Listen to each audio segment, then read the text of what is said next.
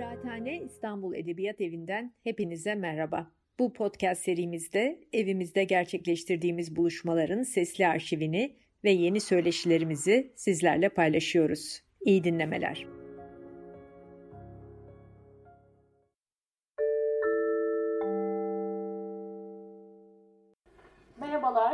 İstanbul Edebiyat Evi'nde Onur Ayı'nı karşılıyoruz. Haziran'ın ilk günlerindeyiz ve oyuncu Seyhan Arman konuğum. Hoş geldin. Hoş Öncelikle bulduk. teşekkür ederim. Rica ederim. Ee, bu gerçekten Onur Ayı'nı e, şimdi yürüyüşler olacak dileriz. Ee, yani her şekilde olacak. Hı hı. Ee, işte yeniden pek çok şey konuşulacak. Ee, bunlara bir sürü yanından yaklaşmak mümkün. Ee, sen de bu konuda pek çok e, sefer sosyal medyada özellikle ama pek çok konuşmada da e, söyleşilerini de dinledim.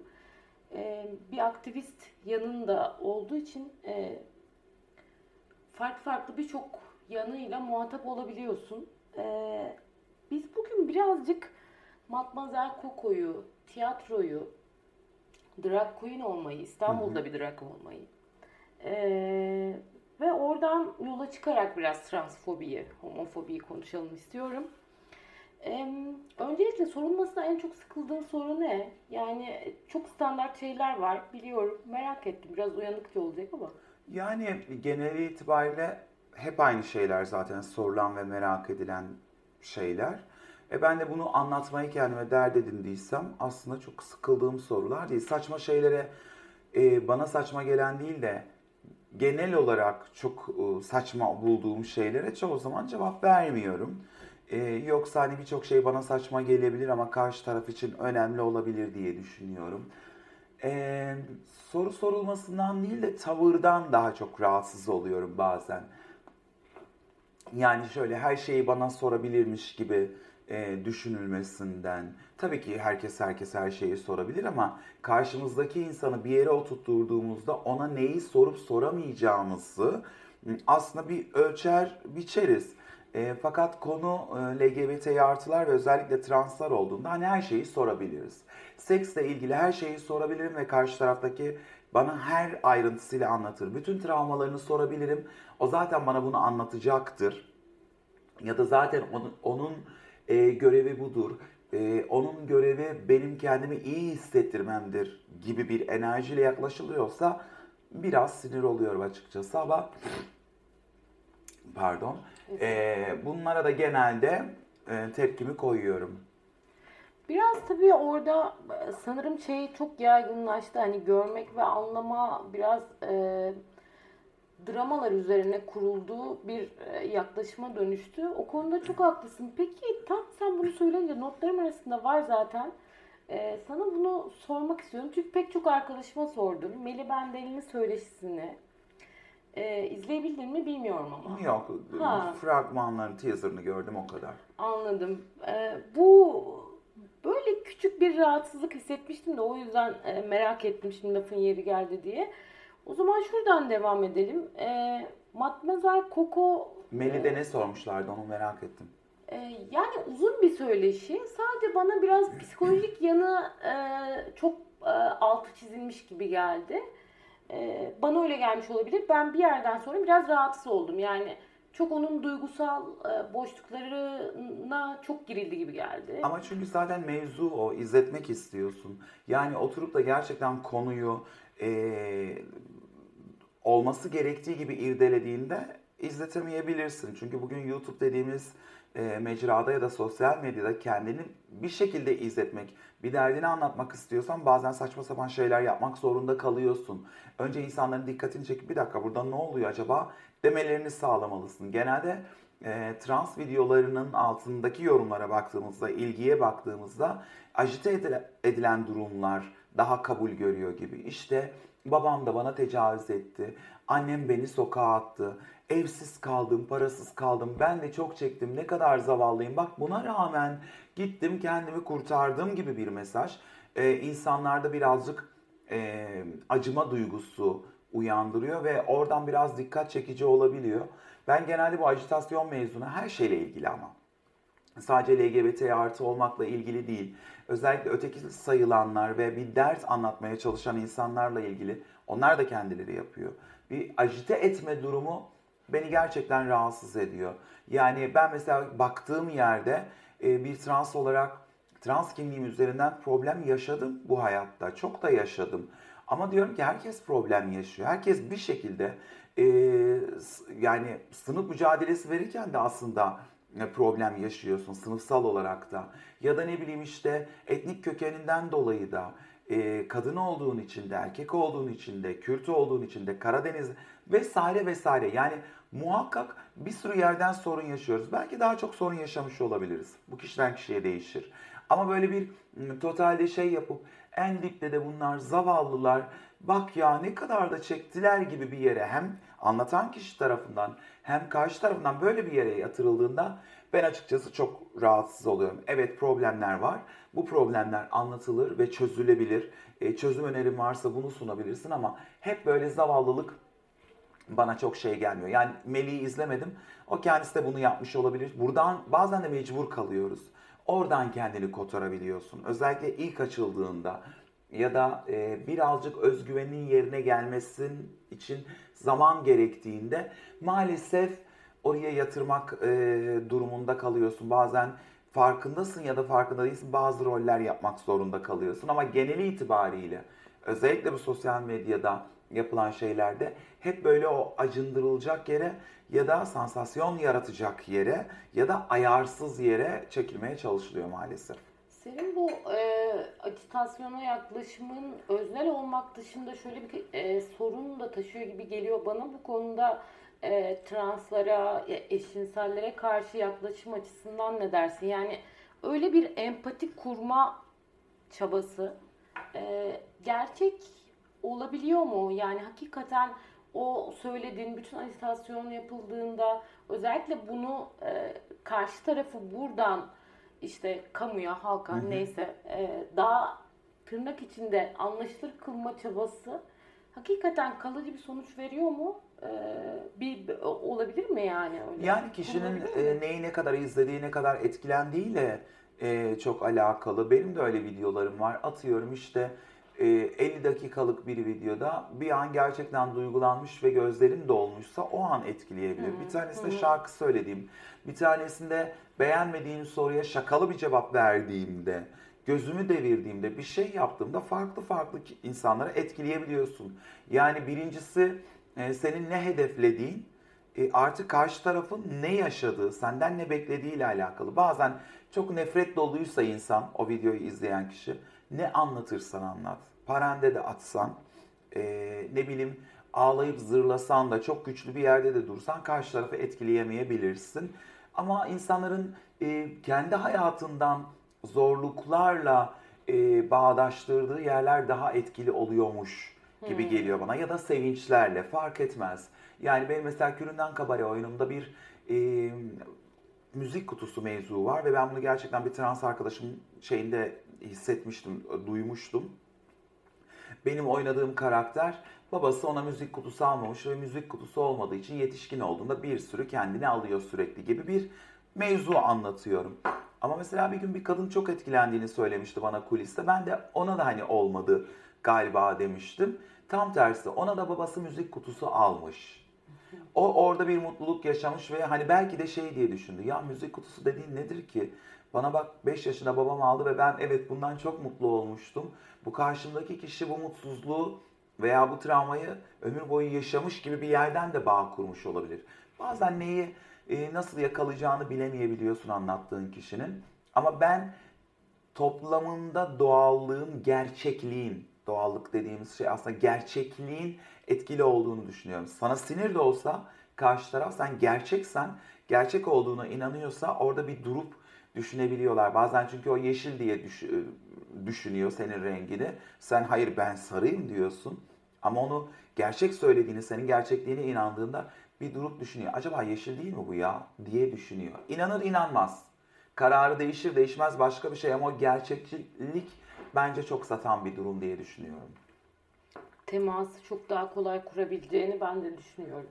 Hani ne kadar sert olursa olsun. Biraz Matmazel Coco'dan bahsedelim hı hı. istiyorum. Hmm, Nasıl hayat buldu kendisi? Bize biraz anlatır mısın? Ya Matmazel Coco'nun e, geçen gün bir mevzuya böyle ukala bir yerden cevap vermek istediğimde şey yaptım. Yani Matmazel Coco'nun e, bendeki karşılığı 27 yılım. Yani böyle ben bunu çok hafife alıyorum. Ya bu benim zaten yeteneğim. Ben çok konuşuyordum, gevezeydim, işte patavatsızdım. Bunları da buraya taşıdım gibi bir şey düşünüyorum ama hayır. Ben 15 yaşımdan beri sahne yapıyorum. Profesyonel olarak sahneye çıkıyorum. Hiç ortada palyaço görmediğin zaman, zamanlarda palyaçoluk yaptım. Makyaj malzemesini, aksesuarlarını bulamadığın zaman da kendim üreterek bir şey yaptım.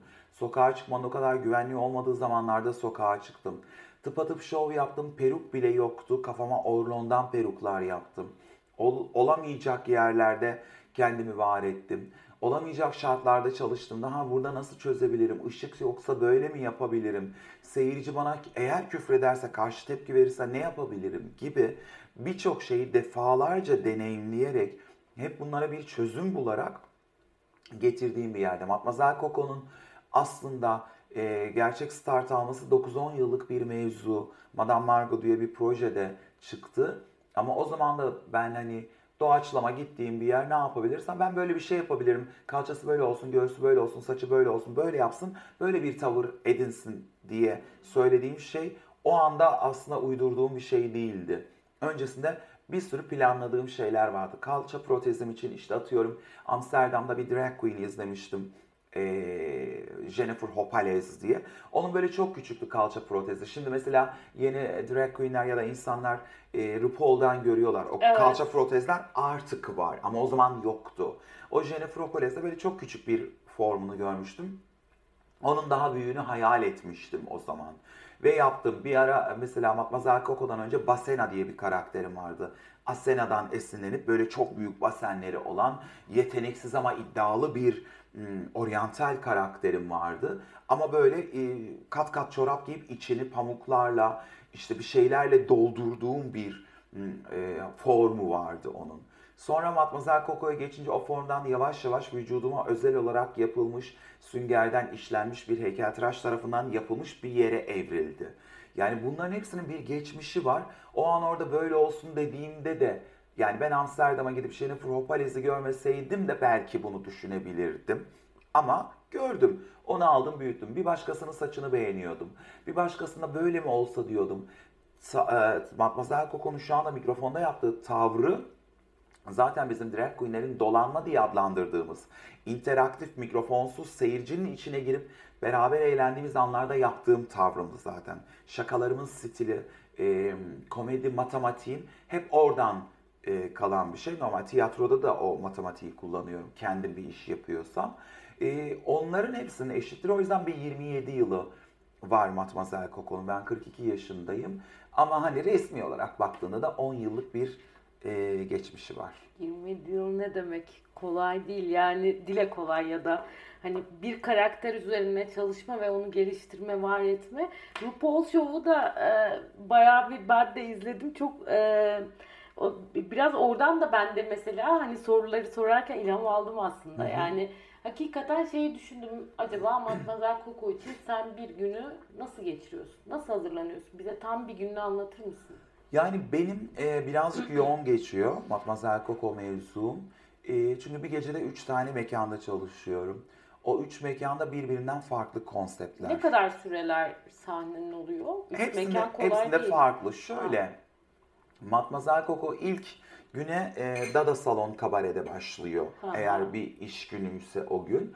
E, orada oynadığımız tiyatro oyunları var ve tiyatro oyunlarının öncesinde de piyesle, başka bir tavırla, kapıda insanları karşılayarak ve onları yerlerine oturtarak ama bir süre sonra orada bir işletmeci rolünde, bir yer gösterici gibi bir süre sonra mikrofonu var ve her şeye sataşarak ışık neden böyle, müziğin böyle, ay çok bayıldım, seyirciye bırak artık o telefonu, bak gergedan koyduk tavana buna bak, böyle bir sanatsal bir yere gelmişsin gibi küçük küçük laflar böyle atarak insanların bir saniye ne oluyoruz, nereye gel geldik dediğini sorguladığı bir yer.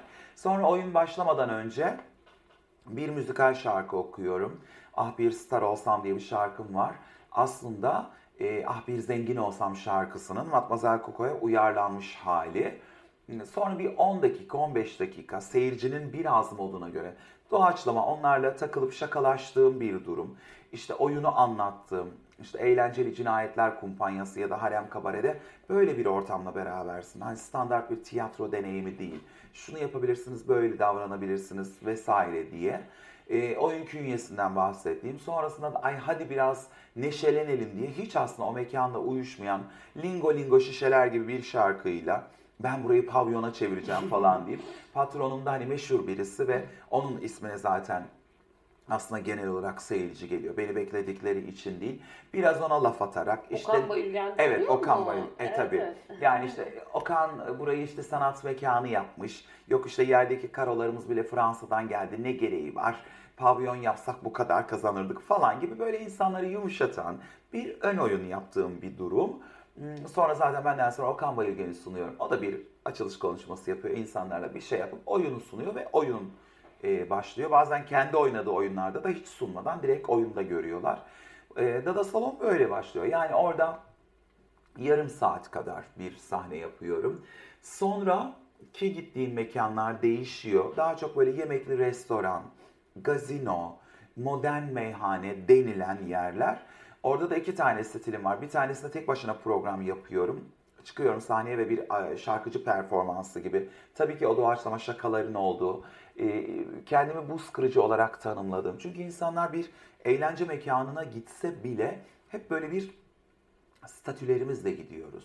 Ama bu sadece işle ilgili. Ben işte ağır ceza hakimim. Ben doktorum, benim mesleğim kutsal.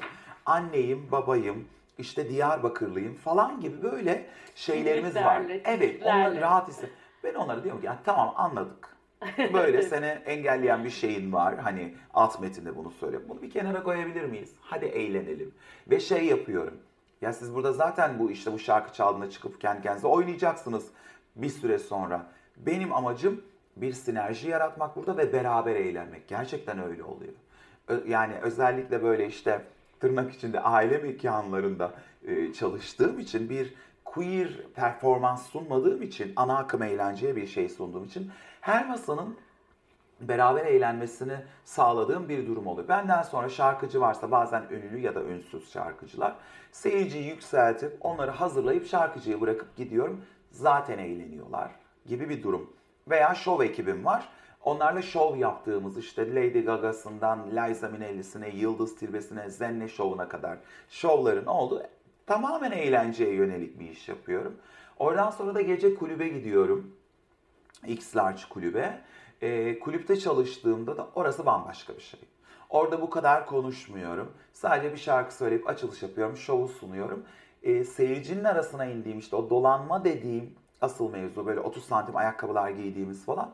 Orada doğaçlama olarak mikrofonsuz yapıyorum. Mikrofonla da MC'lik de yapıyorum. Şarkılara eşlik etmeleri için, bir şey yapmaları için. E, oradaki mevzuda ortalama 3 saat süren.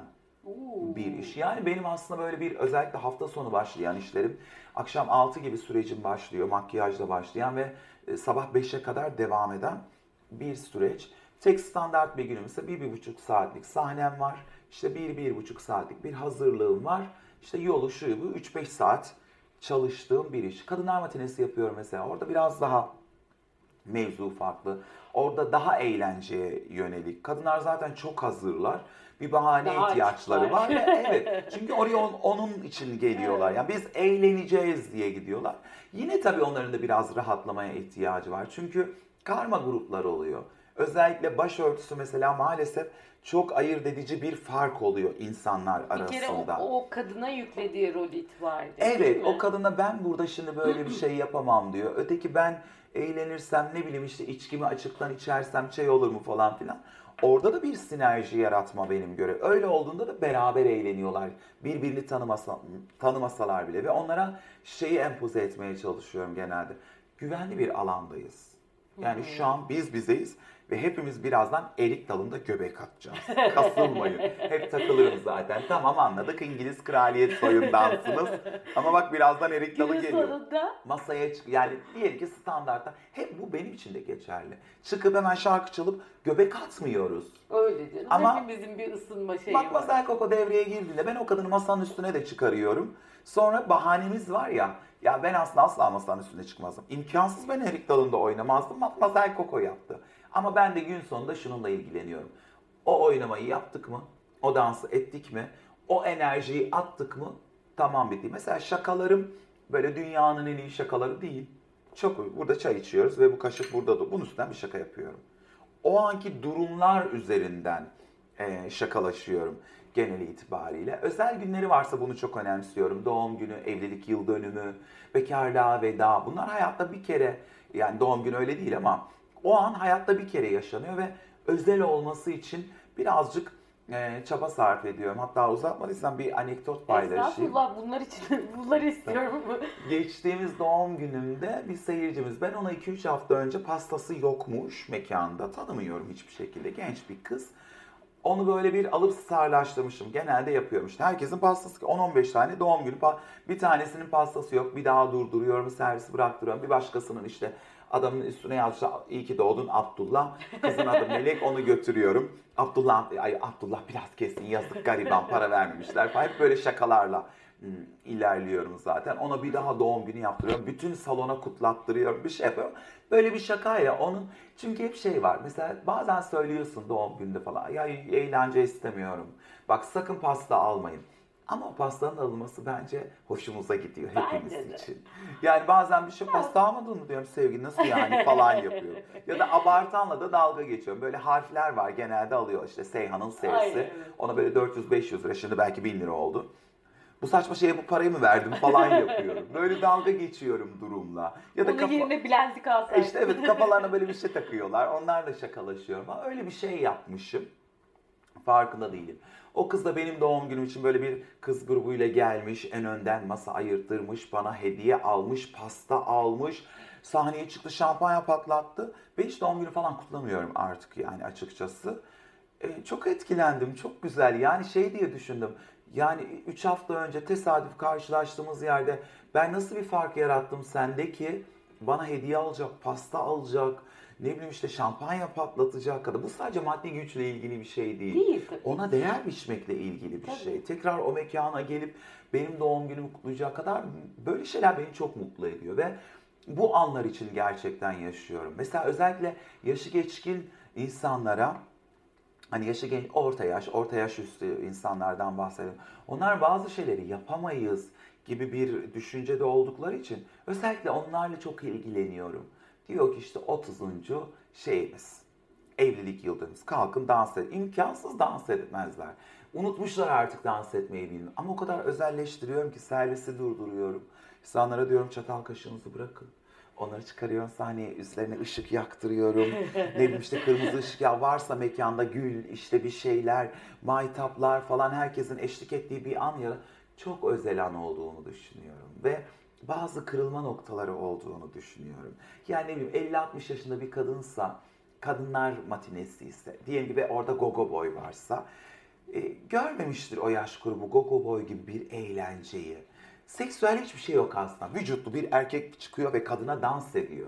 Kucak dansı değil ama o tarzda bir şey yapıyor. Ama yani aslında baktığında seksüel bir durummuş gibi oluyor. Biz işte gençler, ben de artık 42 yaşındayım ama 30 yaş grubu, kız grubu bir yere gitsek, bir partilediğimiz mekana öyle gogoları çıkarsak onun vücuduna bu E, seksüel bir yani. yanı var. Var. Tabii ki. Aa, Ama da yani 50-60 bir yere yaşında kadının, onun çocuğu yaşındaki birinin, bir genç bir çocuk böyle bir şey ya da ne bileyim işte öyle bir an yaratmaz ama muhakkak şakalı bir yerden Ya bir yapıyor. kere deneyim yani.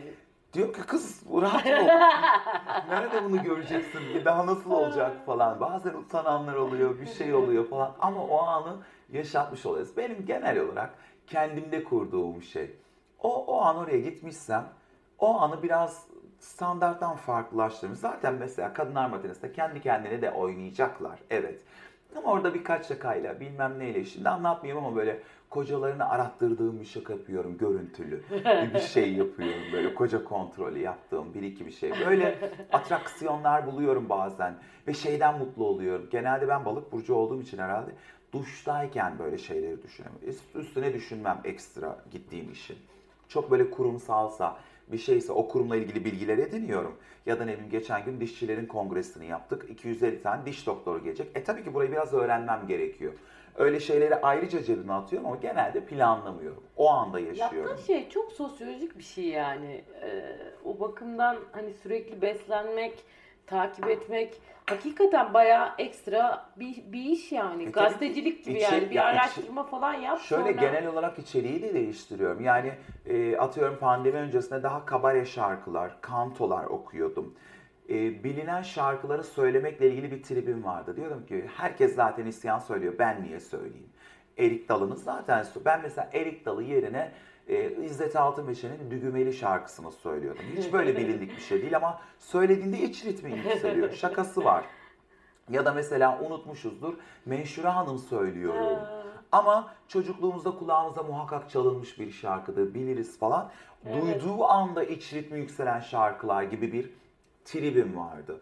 Sonra dedim ki ya pandemiyle beraber işte Ankara vesaire böyle Anadolu'ya açılınca ve oradaki eğlence kültürü İstanbul'dan farklı olunca dedim ki kendi kendime neyin tribini yapıyorum? Bununla mı eğleniyorlar? Tabii ki yapabilirim. İsyanı Halil Sezai de söylüyor tabii ki. Ama ben söylediğimde başka bir şey olacak. Ben zaten orada işte o isyan deyip es verdiğimiz yer için bile şakam var. Durdurup bir daha söyletiyorum. Rezillik çıkarıyorum. 100 kişi varsa salonda yüzü birden orada isyan diye bağırmayınca 99'u yapıyor diye birisi yapmıyor. Gidiyorum neden? Ömründe isyan diye bağırmayacak birisi. Onu oraya zorluyorum. Ama tabii aslında onu zorlamadan. Onu bize katmaya çalışıyorum. Yapabilirsem ne mutlu bana. Yüzümüz birden aynı şeyi yapıyoruz. Ya da lingo lingo şişelerde kaldırın elinizi böyle yapın otel animasyonu. Hani çok uyduruk ama eğlenceli diyorum. Mesela bunu böyle satıyorum ve onlar da yapıp evet eğlendik diyorlar. Belki hiç eğleneceği bir şey değil elini böyle yaparak mesela.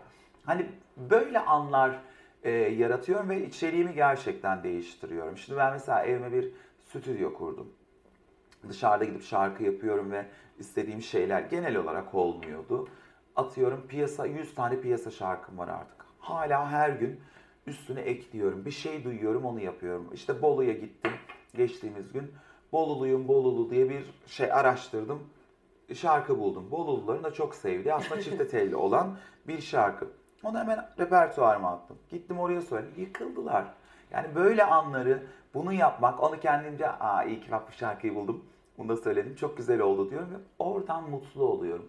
İşimi zaten bu mutluluk üzerine eee, kurduğum için duruma ve e, oranın tarzına göre biraz şekil alıyorum. İşte söyleyeyim Dada Salon'da e, De Pièce'le çalışıyorum. Öbür tarafta daha astrolist gibi bir kostümle çalışıyorum. Kulüpte daha kulüp kostümüyle çalışıyorum. En basit haliyle bile. Ya da işte Kadınlar Matinesi'nde başka bir şey oluyor. Bazen ciddi sunuculuk yaptığım, ne bileyim müzayede sunduğum işler var falan. Böyle büyük yarışmalar yaptığımız büyük prodüksiyonlarda çalışıyorum. Daha kapalı işler onlar ama e, öyle işler yaptığımda farklı stillerde işler yapıyorum. E, bu farklılık be- beni rahatlatıyor açıkçası ve hoşuma gidiyor. Ez cümle aslında söylediğim şey 27 yıl öncesinden 27 yıl öncesinden kurulan bir şey. 10 yıl önce start alıp hala her gün bir çizgisi muhakkak var değişiyor. Arada e, kalın çerçevemi dış müdahaleler sebebiyle bozdum. İşte Alaturka'yım ben çok fazla. Alaturka söylüyorum. Ya pop orkestra kuru, orkestra ile çalışıyordum. Çok baskı yaptılar. Ben de dedim ki belki doğru söylüyorlar ve ben yanılıyorum. Trip yapmasa ya bırak bunu. Den- denedim korkunç oldu bence. Sound çok iyiydi, orkestra çok iyiydi. Ama ben hiç eğlenmedim. Ben eğlenmeyince seyirci de eğlenmedi. O yüzden mesela onu bıraktım. Kendi çerçeveme geri döndüm. Kalın çerçevesi var. Mesela asla küfretmiyor Matmazel Koko. Bunu ahlakçı bir yerden yapmıyorum ama küfürle şaka satmak istemiyorum. Seyirci yapsa bile engelliyorum. Biraz da etkili olduğunu düşünüyorum. Yani beklenen şey bu. Drag Queen, e, LGBT artı birisi yapıyor zaten bunu. Kesin bize işte böyle küfürlü şaka yapacak. Şöyle yapacak. Elindeki mikrofonu, bu mikrofonda elime büyük geldi diyecek. demiyorum. İmalı şakalarım muhakkak var. Tarzı itibariyle zaten böyle yaptığım işin. Ama e, %99.99 asla küfür etmeden bir iş yapmaya çalışıyorum. O da karşı tarafta bir fark yaratmak için yapıyorum bunu. Ee, şimdi anlattıklarında kafamda birkaç şey canlanıyor. Biri hani Matmazel Coco özelinde işte komedi var, müzik var, yani mizah var, müzik var, oyunculuk var, e, pek çok şey var. E, böyle bir sahne şovunu, bir drag gösteriyi yapabilmek için mesela oyunculuk ya da tiyatro eğitiminin e, olup olmamasının sence ne kadar rolü var? Bence muhakkak etkisi var. Şimdi e, yeni yeni RuPaul mevzundan sonra da görüyoruz. E, drag performans sanatçıları. Bir kere RuPaul'da gördüğümüz şeyi çok gerçek zannediliyor olması e, bana şey geliyor. Yani gerçek hayatın içerisinde o şovu sattığında öyle bir şov yok. Tabii ki var. O prodüksiyon yok. Yani ben oradan birkaç starla da karşılaştım. New York'ta da karşılaştım. Bilmem nerede de. Orada yaptığı prodüksiyonu orada satmıyor zaten. Lips diye bir dükkan var New York'ta. Cahide'nin daha küçük bir prodüksiyonu. Doğum günü doğum günü kutlanan bir yer mesela. Ee, oraya e, gittim izlemeye. Herkes böyle standart bir kostüm giymiş. Bir tane MC var. Çok tatlı, şakaları güzel olan. Ee, böyle çarkı felek gibi bir oyun oynatıyor. Ee, orada daha doğrusu tombala gibi bir oyun oynatıyor. Kızlar da orada çalışan drag queenler de çıkıp şov yapıyorlar. Ama mesela bizde durum şu. Seda Sayan taklidi yapacaksam Hadi onu tıpa tıpa yap deyince bir böyle dişini çıkarırsın. Varır mısın bu gece dersin. en basiti. Onun saçını takarsın. Onlarda öyle bir trip yok. Çıkıyor mesela böyle görünüyor. Var mısın bu gece kaçmayı da playback yapıyor iniyor. Şov bu kadar. Finalinde hepsi birer otriş alıp toplu bir şov yapıyorlar bitiyor. Bu bence oradaki MC bir özelliği olan özelliksiz bir şov bence. Sonra ben bunları RuPaul'un bir e, fuarı var. Drag fuarı yapıyor. Orada gördüm Lips diye bir dükkan. Bir daha döndüm. Bu benim izlediğim şey mi dedim standla. Olay kostümler. Lipsia dudaktan böyle kostüm yapmalar. O makyajlar, peruklar yıkılıyor. E dedim ama siz böyle bir şey satmıyorsunuz. Hani ben gelsem sizi burada görsem sonra iş yerinize gelsem bambaşka bir şeyle. Yani o yüzden RuPaul'da gördüğümüz şeyin orada e, gerçek hayatta olduğunu düşünmüyorum. Ha orada starlaşanlar var muhakkak onu oraya taşıyorlar. O zaman Evet. bütçeler her şey değişiyor. Şimdi bizde de özellikle genç kuşak orada görünce her şeyin o makyaj yapmak olduğunu zannediyorlar. Hayır RuPaul'u da izlediğinde onlar kostüm yapmak zorunda, şovunu tasarlamak zorunda, makyajla, saçla bilmem. Biz de makyaj yapıp sadece sahneye çıkıp olabileceğini düşünenler var. Öyle olmaz. Bir şey yapıyor olman gerekiyor. Yani bence drag performanslar ya çok iyi şarkı söylüyor olmalısın. Daha doğrusu bir şarkıyı satabiliyor olmasın. Sesin kötü olsa bile bunun bir şeyi olmalı. Ya bir oyunculuk performansı ser- sergiliyor ya dans ediyor olabilmelisin. Bence. Ya da ilginç bir şey yapıyor olmalısın ki bunu satabilesin. Maddi anlamda satmaktan bahsetmiyorum. Seyirciye satmaktan. Bizim mesela şimdi queer ortamlarda da yapılıyor. Bunların bazıları daha deneysel şeyler tabii ki ama orada işte tişörtünü çıkarsan alkışlıyor seyirci. Ama seyircinin alkışlaması bence her zaman bir kriter değil. Bu benim için de geçerli. Ben bazen sahneye çıkıyorum. Seyirci alkış kıyamet çok güzeldi diyor. Ben ama o günün olmadığını biliyorum. Sınırımı biliyorum. Yapabileceğimi biliyorum. Orada otomatiğe bağladığımı biliyorum. Başka bir şeyle uğraşırken burada otomatik bunu çeviriyorum. Bu biraz oyunculuktan gelen bir şey. Oyunda da öyle. Tek kişilik performans da yaptığım için, tiyatro oyunu da yaptığım için biliyorum. Bir buçuk saat ben orada 30 sayfa metin satıyorum.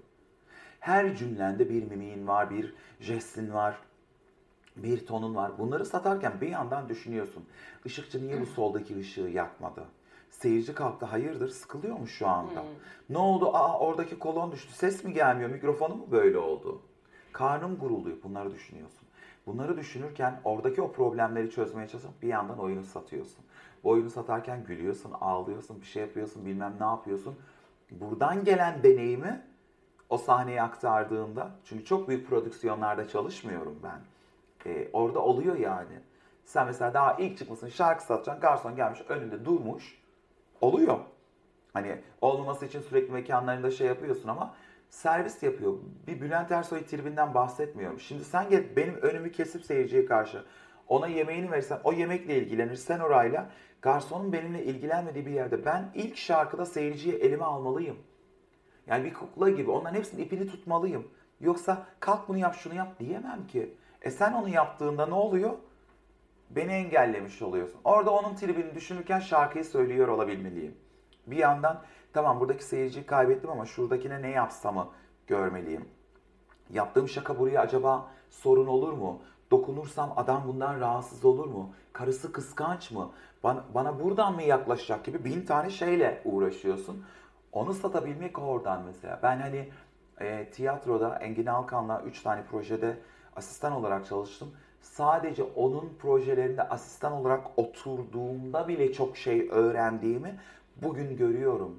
Engin Alkan'ı da çok severim bu Evet, arada. ben- Sevgilerimizi göndeririz. Ben de, ben de, Buradan çok, birlikte. ben de çok seviyorum. Ben de çok seviyorum. Yani bunu ke- kendi yaptığım oyunda da gördüm. Muhakkak orada şey oluyor. Bazen şöyle oluyor. Sahneye çıkacağın zaman kuliste bas bas bir bağırış çağrışla çıkıyorsun. Nasıl sesimi açmazsın? Bu nasıl böyle olur? Ya da oradaki bir e, performansçı niye giyinmedin 5 dakikam var diye bağırırken şarkın giriyor. Matmazel Coco ben geldim diye girmen gerekiyor. O sahteliğini atabilmelisin. O anda çok sinir oluyorsundur. Patronla kavga etmişsindir, bir şey olmuştur falandır filandır ama o rolü yapabilmelisin. Seyirciye bak bir star geldi ne kadar mutluyum burada olmaktan. Birazdan sizi böyle eğlendireceğim diye o enerjiyi gönderme. Bunların hepsi tabii ki oyunculukla ilgili bir şey. Herkese yapmak zorunda mı? Hayır. İyi dans ediyorsundur, çıkarsın. Lip sync yapıyorsundur, çıkarsın, yaparsın. Herkesin bir tarzı, tavrı var. Bir yerden parlatman lazım. Muhakkak ama oyunculuğu olan hani profesyonel olarak oyuncu olmasa da oyunculuk yeteneği olan e, drag queenler biraz daha şey mimiği doğru satıyor bir şey. Mesela bazen şarkıya playback yapıyor. Soruyorsun ne anlatıyor şarkı? Diyelim ki İngilizce ya da İspanyolca bilmiyor. Bilmediği şeyi nasıl anlatacağım? Anlatabilirsin. Bu da bir tarz. Şarkıyı söyler geçersin. Ama bilirsen Orada bir aşk hikayesinden mi bahsediyor? Bir şehrin kurulmasından mı bahsediyor? Ya da ne bileyim ihanetten mi bahsediyor? Yüzüne, ruhuna, her şeyine yansıyacağı için doğru satarsın işi. Ya da kurgularken atıyorum yağmur altında sevişmeyi anlatıyorsa şey belki orada kullanacağım bir şemsiye, bir işte şimşek sesi, bir şey o tavır yağmurdan saklanmaya çalışıyor olmak artı bir şey katacaktır. E bir oyunculuk yönün varsa bunu bir araştırıp da biliyorsun ona göre şey yapıyorsun. Kısacası evet etkili oluyordur diye düşünüyorum. Peki e, yine bu işte yani ne bileyim işte şıkır şıkır salonlarda da işte ne bileyim düğünlerde de çeşitli partilerde de kadın matinelerinde de e, bambaşka şekilde aslında yeniden yaratıyorsun karakterini. E, burada otosansür ne kadar devrede ve bunun hani bir o mesela dediğin aile mekanlarında e, yaptığın şakalar e, gösterine etkisi ve işte atıyorum ne bileyim işte Dada salonda yaptığında nasıl pozisyon alıyorsun? E, ikincisi senin işte yani işte bir e, LGBT'yi birey olman ekstra bir e, sansür, otosansüre sebep oluyor mu sende? Benim tarafımdan. mı? Evet, senin tarafından. Tabii ki oluyor. Yani Ee, e, çok özür dilerim yani işte atıyorum Okan Bayülgen yapsa bu şakayı bir şey olmaz ama ben yapsam başka yere gider gibi Tabii. bir kaygı duyuyor musun? Tabii ki sadece sahnedeki şaka değil ki o mekanla ilk çalışmaya başladığında da yani ister istemez e, ciddiye alınmakla da ilgili. Ben şimdi bir mekanla görüşmeye giderken bir kere belirli şeylerim var. Benimle görüşmek isteyen birisi olduğunda ilk şunu söylüyorum. Ben bir dansçı ya da drag queen kastından çalışmıyorum. Bunu Bu ne dansçıyı tam? yani dansçıyı aşağılamak için, drag queen'i aşağılamak için söylemiyorum. Solist kastından çalışıyorum diyorum. Diyorum ki yani aslında Sibel Can'ı çağırdığınızda nasıl davranacaksanız bana da böyle davranacaksanız. Yaptığım işi buradan. Öbürü de dansçı çıksın ya. Buna da sahne yapmaya gerek yok. ışığa gerek yok. Bunun üstünde böyle oynayıversin. Hadi sen çık bize burada 10 dakika küfür et yeter gibi bir yerden.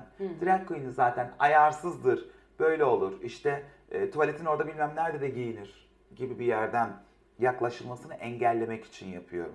Ben benim mesela hiç öyle bir tribim yoktur bu arada. Solist, ben solistim tribim aslında yok. Yani tuvaletin orada da giyinirim.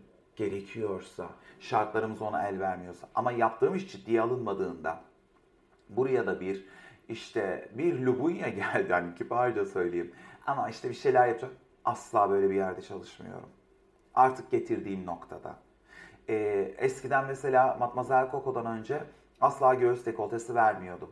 Çünkü seyircinin alg- algısında abartılı kadın kılığına girmiş erkek bunu performe ediyor olduğu için öyle zannedilmek istiyordum. Ona gülecekler, oradan eğlenecekler diye.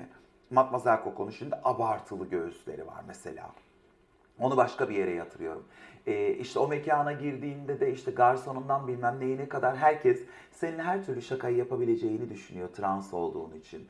Yani e, kaydı. evet gece sonunda bir şey olabileceğini düşünebiliyor. Her yerde olmuyor tabii ki ama bunları engelleyebilmek için bir kere mekana girdiğinde bir otosansürüm var. Ben aslında eğlenceli bir insanım.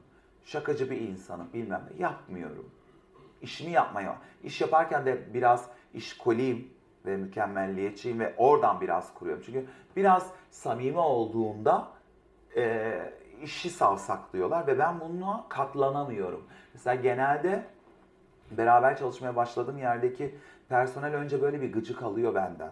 Kötü davranmıyorum kimseye bu arada. Bir fark da görmüyorum hiç aramızda. Eğlence sektöründeyiz. O da bir şey yapıyor, ben de bir şey yapıyorum diye düşünüyorum kendi içimde.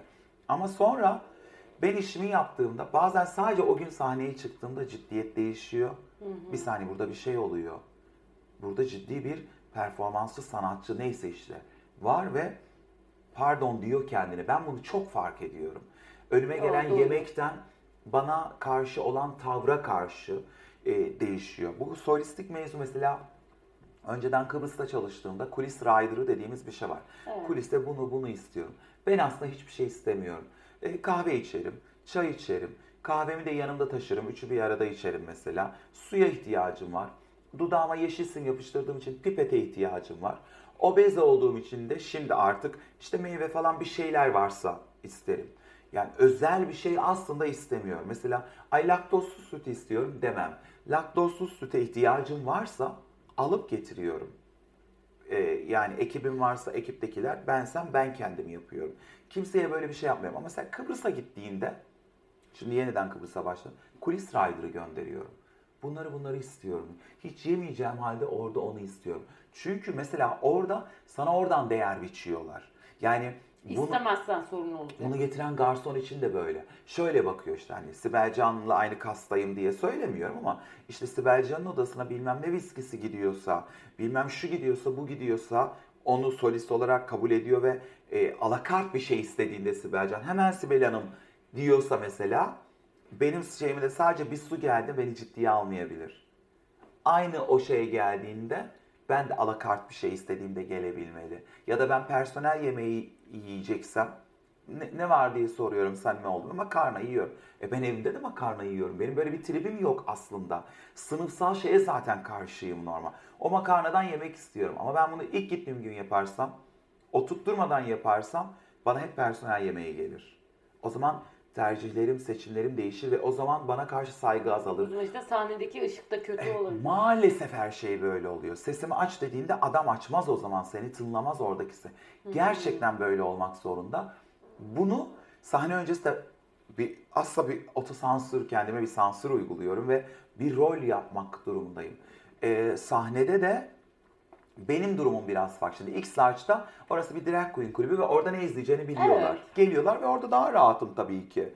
O, e, ama Bu iş şakaları orada yapıyor musun? Yani mesela Mümkünse yapmıyorum. Orada da bek şimdi ben, ben hayatımda şöyle bir yerdeyim. Beklenilenin dışında bir şey yapmayı tercih ediyorum. Tabii ki ki mesela romance hiç konuşmuyorum. Bazen seyirci de konuşuyor. Ay Madilikalık mı kız diyor. İşte gidip Trabzon'da karşılaştığım kız. Hani şey demek ben de Lubunca biliyorum. Ya da LGBT artıyım ya da arkadaşım var demek istiyor. Yapmıyorum. Bir iki devam aman anladık tamam deyip geçiştiriyorum mesela. Bunu e, Lubunca'yı aşağıladığım bir şey için değil. O an orada onu alacak seyirci yok diye düşünüyorum. X-Large'da da yok. X-Large o kadar queer bir mekan değil. Ana akım bir yer. Sattığımız iş bazen queer. Şimdi ben orada aynı zamanda sahne amiriyim şu anda. Şovu bazen öyle koyuyor. Kazaki koyuyorsam Ama bir de roman show koyuyorum gibi böyle dengelediğim bir yer de var. Kendi içimde de onu dengeliyorum. Ama ilk startta mesela birisi gelip büyük bir tepki gösterirse karakterime bir şey olduğunda e, bir problem çıkıyorsa bedenime dokunacak kadar bir müdahalede bulunuyorsa ne bileyim işte kadın kocasını kıskanıyorsa tam tersi ise falan diyor ki bir saniye burası ilk star bana böyle davran burası bir drag queen kulübü beğenmiyor musun güle güle diyorum. Ama bunu Dada Salon'da yapmıyorum. Dada Salon'da bana gelmiyorlar. Geldikleri şey bir tiyatro oyunu. Okan Bayülgen. Benimle orada kapıda karşılıyorlar ve ilginçtir. Kapıda karşılaştığım 100 insanın 99'u kapıda öyle bir tip olmasına şaşırmıyor. Aa bir drag queen falan demiyor. Ya böyle tasarımcılar ya böyle queerler geldiğinde beğeni üzere ay inanamıyorum yapıyor. Onun için hiç böyle bir yerden yaklaşmıyor seyirci. Hatta beni gerçekten orada çalışan birisi zannediyorlar. Bir süre sonra ben böyle laf sokmaya başlayacağım. Ha bir saniye burada bir şov var anlıyorlar. Zaten finalde ben onu oraya taşıyorum, şey yapıyorum. Yemekli ya da işte bir sanatçı ön programı yapıyorsam, atıyorum Cenk Eren'le çalışıyorsam bana gelmiyor ki seyirci, Cenk Eren'e geliyor. Yani bir drag queen'e karşı ön yargılı da olabilir. Bunu da kabul ediyorum. Oraya gidiyorum belirli bir yere kadar tabii. Hiç böyle büyük tepkiyle karşılaşmadım ama yani bir tepkiyle karşılaşırsam bunu tolere ediyorum. Ama genelde onları dahil etmeye çalışıyorum. Bu sezon çalıştığım e, mekanda bir arabeskçi şarkıcı çağırdılar İzmir'den. Ve kendi kitlesi de geldi doğal olarak.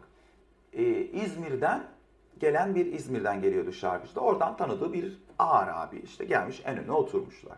1 liraysa onlar 10 lira verip o en önde oturuyor biliyorsun. Ama benim de en öndeyim, en önle uğraşmam gerekiyor gibi bir işimin zorluğu da var. Ben daha kulisten çıktım, şarkı çaldı. Kel bir adamdı, hiç unutmuyorum.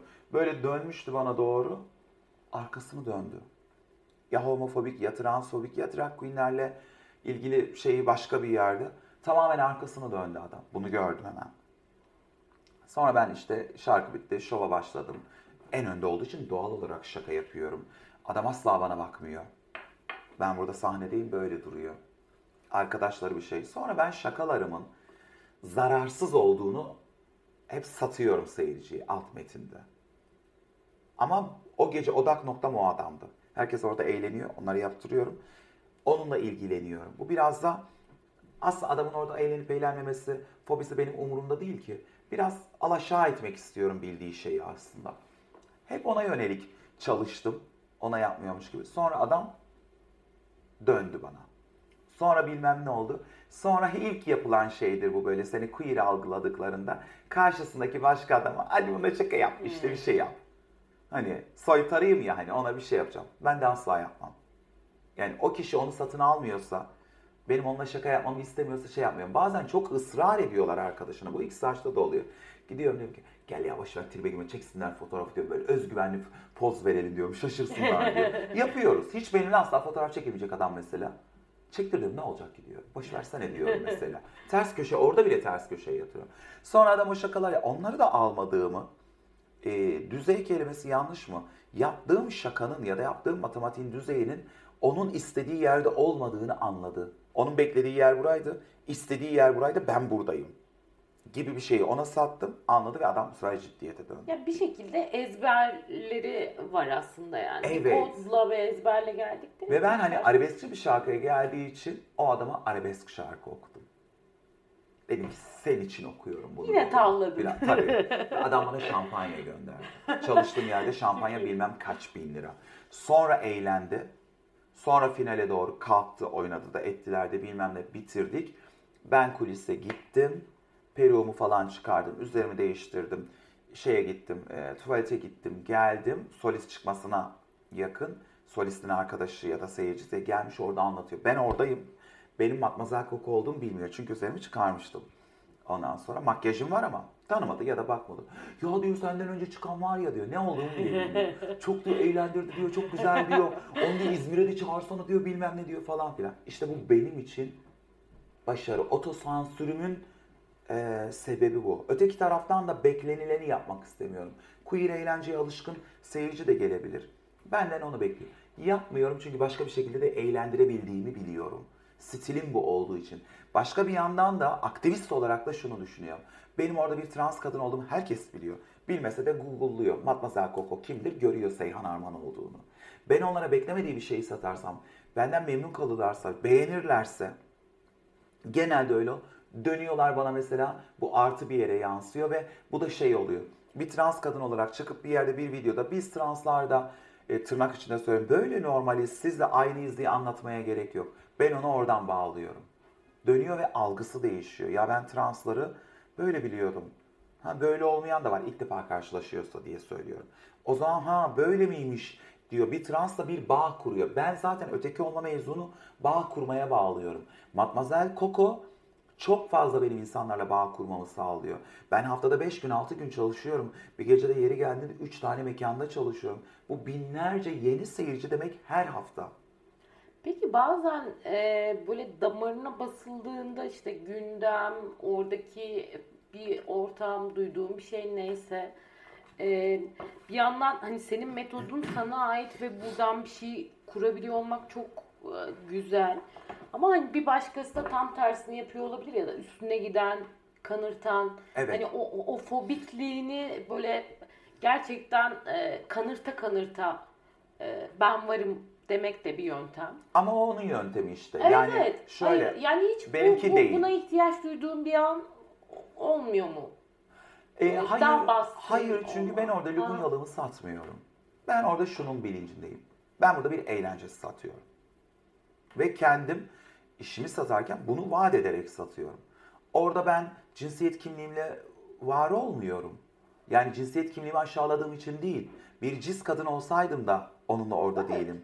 Bir cis erkek olsaydım da onunla orada değilim. E, o karşı taraf beni e, cinsiyet kimliğimle önce değerlendiriyor olabilir. Ben bir süre sonra onu aşıyorum işte. Başka bir yere taşıyorum yaptığım mevzuyu ve eğlence satıyorum. Onlar da bunu satın alıyorlar. Bunu satın aldığı için işte atıyorum o fobik adam bir dahaki arkadaşlarıyla oraya gelecek. Doğum gününe beni çağıracak. Bilmem neydi bir şey olacak. Bunları sadece para üstünden kurmuyorum ki. Ben onu kazanılmış bir durum diye düşünüyorum. Veya hiç fobisi yok fark etmez. Ben o insanları eğlendirmek zaten benim işim diye düşünüp doğru işi yapmaya çalışıyorum. Eğlendirmemin de bir stili var. Benim yaptığım şeyi varoş bulan da var. Söylediğim şarkılar itibariyle. Eskiden tribe de giriyordum bununla ilgili. Diyor ki bu senin sorunun diyorum. Ben bunu satıyorum. Yanlış geldiysen yapabileceğim bir şey yok. Ama yine de mesela şimdi atıyorum New York New York'a ekledim şeyime. Ee, daha önce canlıda yapıyordum. Seyirciye demek istiyorum ki bak ben size sizin kaliteli say Türkçe'ye karşı böyle bir ön yargısı var insanların. Ankara'nın bağlarıyla eğlenip bunu varoş sayan bir kitleye hitap ediyorum maalesef. Diyorum ki tamam sana Fransızca bir şarkı söyleyeyim okey ya da e, New York New York söyleyeyim. Çıkıp da söylüyorum ciddi ciddi bir yere kadar. Ondan sonra şimdi Plebe'ye de onu taşıyacağım, taşımak üzereyim.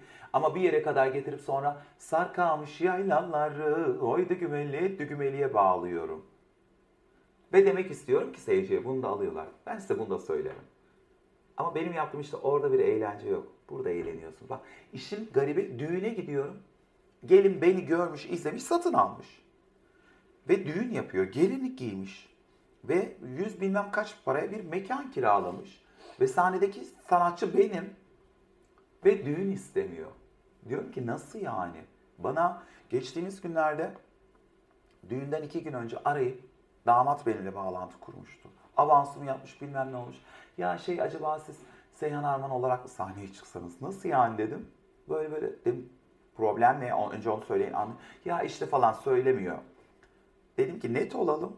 Şimdi burada bir şey yapıyoruz. Ortak bir şey yapacağız. Sorun nedir? Karısını verdi. Yani gelini. Gelin dedi ki işte bilmem ne. Annesi benim kalçamın hemen bir şeyi abartı bulmuş galiba. Drag queen olmam problem olmuş. Onlar için benim anladığım. Dedim ki e, Seyhan Arman olarak çıkamam. Çünkü ben Seyhan Arman olarak bunları yapmıyorum. Matmazel Arman'ın öyle olarak. gösterisi evet, yok. Matmazel Coco olarak yapıyorum. Ve Matmazel Coco olarak siz zaten beni izlediniz, satın aldınız. Satın aldığınız şeyde problem var mıydı? Yok. Ya işte bizim gelin tarafı, benim e, şeyim, bizim Aile. tarafımız, ailemiz işte ortalama 60-70 yaşında Karadenizli aile hani. Ama dedim bak siz zaten bu aileyi bilerek beni görüp satın aldınız. Sakınca görmediniz. Dedim size şey yapayım hadi Dada'da gibi e, döpiyes gibi giyineyim dedim. Öyle bir şey yapalım falan. O ikna oldular okey. O gün oraya gittim. Tabii ki Karadeniz şarkıları ekledim ben şeye. Öbür tarafta bir yandan da hani bu Karadeniz'de bu aile var. Bir taraftan da 30 artı yaş Galatasaray mezunu arkadaşlar var. Kitle çok farklı iki uç. Benden sonra da Mansur Ark çıkıyor sahneye gibi bir Kitle bayağı değişik. Evet durum. Ama Anladım. yani gelinlerin böyle bir şey herkesinki gibi olmasın. Ben böyle düğün istemiyorum gibi bir yerdeler. Damatlar da yapabilir. Bir yandan gittim oraya.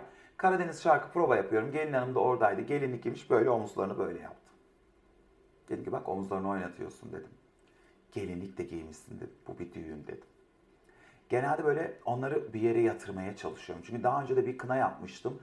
Kınada bir e, konsept kurmuştum. Gelin boşnak mıydı neydi? Ben de ona adam da diyelim ki Karslı. Seni Karslı yapacağız diye bir kız kınası planlamıştım. Son saniye sahneye çıkacağım vazgeçtiler. Yok biz boşnak şeyi istiyor. Ama e, boşnağı da uyduruyorum şu an. Misal veriyorum. O baktığım şeylerde bakmıştım, araştırmıştım. Eğlenceli değil. Bir ayna var onlarda. Ayna satın aldım kendim, ekledim falan. Eğlenceli değil. Böyle bir kavga ettim falan organizatörle. Dedim ki ne münasebet böyle sattık konsept dedi ki. Gelin hanımın düğünü ve o bunu istiyor dedi. Peki siz bilirsiniz dedim ben de. Şov ekibi var falan. Gelinin şarkısıyla çıktık burada. Hani böyle bizde yüksek yüksek tepeler falan. Dansçılar var, kına kızları var. Kına kızları bile dans edemiyor. O kadar Düşün. eğlencesiz bir şey. Hiç kimse eğlenmiyor. Böyle dönülüyor, yapılıyor. Onların ritüellerini yapıyorum. Öğrenmiştim çünkü. Neyse geçelim. Sonra baktım o kadar sıkıcı ki. Ay inisiyatifi aldım, eğildim geline dedim ki. Çok sıkıcı oluyor farkında mısın dedim. Evet dedi. Dedim bana bırakır mısın lütfen dedim. Eğlenelim dedim. Bak bu senin düğünün dedim. Böyle olmaz dedim. Tamam sen bilirsin dedi. Sonra ben ah diye mikrofonu şey yapıyorum. tamam yeter anladık. Şimdi seni Karslı yapacağız. Kars'ı da uyduruyorum bu arada. O memleket üzerinden. Ben bir başladım oraya çevirmeyi. Ve gelin de annesi hostesti. Yani yaşı var. Atıyorum bundan işte 40 yıl önceki hostes bir kadının yetiştirdiği bir çocuk ve aile diye düşünürsek biraz algılayabiliriz nerede olduklarını. Yaptığım işi yaptım. Çok eğlendiler. Sonra bana bin bir teşekkür. Bu bahsettiğim düğünde de gelin de ay falan filan yaptı istemiyor. Damat da düğün istiyor. Bunu da görüyorum ben. e yüz küsür tane şarkı da zaten cebimde. Yaptığımız mekan da öyle. Bunlar çıktılar nasıl yapalım böyle çok heyecan. Dedim ki benimle ilgili kısmında bir şey var. Siz eğlenin. Ben iste yani işimi yaparım. Size gerek yok. Yormamayı da seviyorum onları. Çıktılar geldiler böyle modları düşük gittim. Geline dedim ki ben çıkmak üzereyim. Ne oldu dedim. Şarkılar işte böyle Fransızca falan. E, yemek müziği çal- ya işte eğlencesi değil mi yukarısı dedim. Evet dedi. E, tam istediğin gibi ne kadar güzel dedi. Nasıl ya? E dedim böyle istedin. Ondan sonra bak dedim bu düğün gel böyle yapalım. Bana güvenirsen dedim ben senin yaptığın ayarsızlıkla yapmayacağım emin ol dedim. Yani dedim açık net söyledim. Varoş olmayacak düğünün dedim. Sen farklılık için beni getirmedin mi? Bunaca bak dedim ben sana farklı düğün yapacağım. Tamam ne istersen yap dedim. Ben çıktım. Tabii ki aslında ne istersem yapacak gibi. Önce bir seyirciyi aldım elime. Annesinin istediğini biraz yaptım. Gelinin istediğini biraz yaptım. Sonra baktım o Karadeniz'de aile böyle kalıyor. Ve içlerinde bence şöyle düşünüyorlardı. Bu nasıl düğün ya nereye geldik diye düşünüyor. Ama düğün kurmuşsunuz. Şunu yapsan anlarım. Bir yerde yemek düzenli herkes gelsin yemeğini yesin. Orada böyle bir işte ne bileyim idil bir et çıksın atıyorum. Okey şarabınızı için bu bir ama düğün salonu gibi artık düğün yapmışız yani. Ve sonra Mansur Ark çıkacak. Senin 60 artı yaş Karadeniz'de ailen Mansur Ark'ın izleyicisi değil ki Evet. yani baktığında. Sonra ben yine böyle ah mah diye şey yaptım. Şöyle yapalım mı falan. Bir iki aldım. Seyirci baktım şey oluyor. Bu sefer mesela aileyi aldım. Düğüne. Bir kere dedim dans olacak. Gelin dans da etmek istemiyor. Dans edeceksiniz ve dedim şeyde dans edeceksiniz. Bir Fransızca şarkı istemiyorum ben. Bir şarkısın sen. Samanyolu. 80'lerin Ya, 90'ların klişe. düğün salonu müziği. Gelinin Ama gözleri- her zaman güzel. Gelinin gözleri o çıkardım. Bütün düğün ritüellerini yaptım. Anneyi babayı çıkardım, onları onore ettim. Bir çifte telli oynattım. Katıldılar.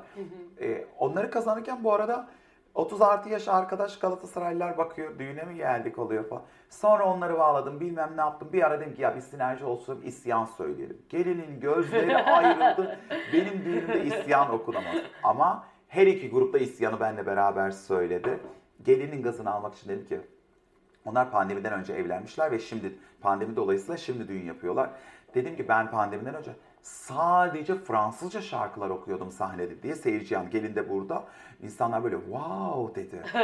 Hemen beni böyle tırnak içinde kaliteli saydılar. Yalan söyledim. Tamam Fransızca okumuyordum tabii ki. Galatasaraylıları tavladı. Tavlayayım dedim. Ama dedim sonra dedim işte Ankara'ya düştüm hayatım pavyon ortamı böyle bunları okuyorum falan. Eğlenceli falan diye. Sonra gelinin samimi arkadaşının annesi geldi. E hani halay çekmeyecek. Halay çekecek mi? Daha neler diye. Gelin adını da unuttum şu an. Onun düğününde halay mı olur? Ay evet çekelim ya falan diye.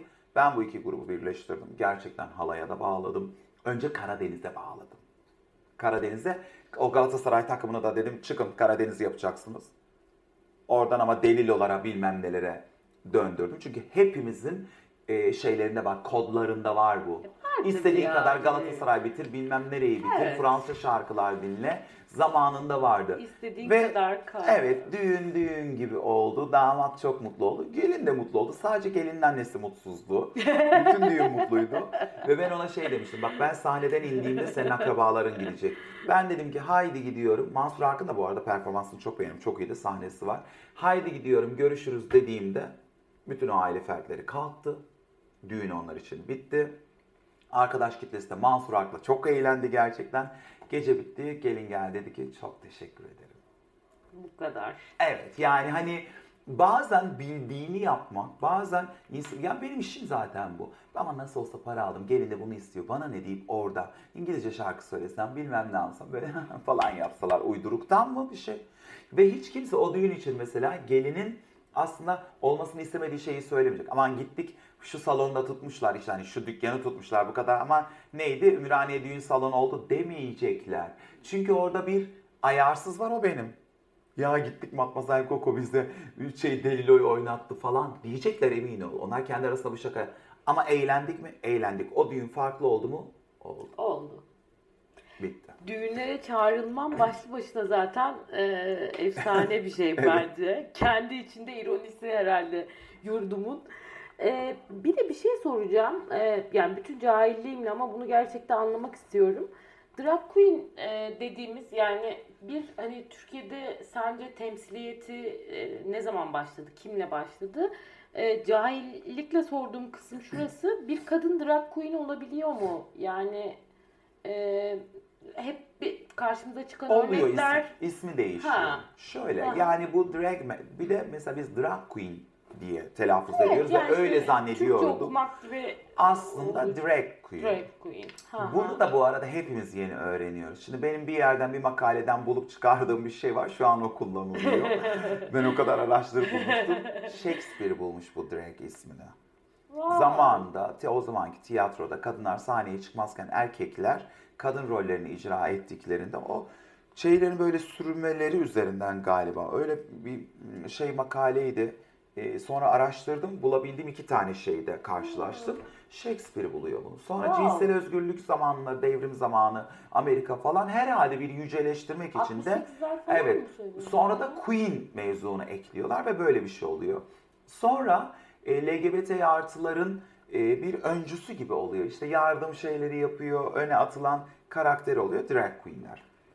Bir de drag king dediğimiz mevzu var. Yani drag, e, drag queen deyince çok basit anlatımla böyle algılıyorum. Bunu biraz bazen e, özellikle yeni jenerasyon Aa, falan yapıyor ama öyle. Yani bir erkeğin e, atanmış cinsiyete erkek olan Evet. birisinin e, kadın rolünü abartılı bir şekilde performe etme şekli basitçe anlatırsak. Eğlencenin içine de dahil ettiğimiz bir durum var. Bir de drag kingler var. Onlar da kadın bedenine doğmuş, atanmış cinsiyeti kadın olan birinin e, kadın bedeninin aslında erkek bedenine, abartılı erkek bedenine dönüşmesi. Bir de kadın bedeninin, cis bir kadının abartılı kadına dönüşmesi mevzu var ki o da folk queen. Fransızcadan geliyor. Sahte queen gibi bir şey.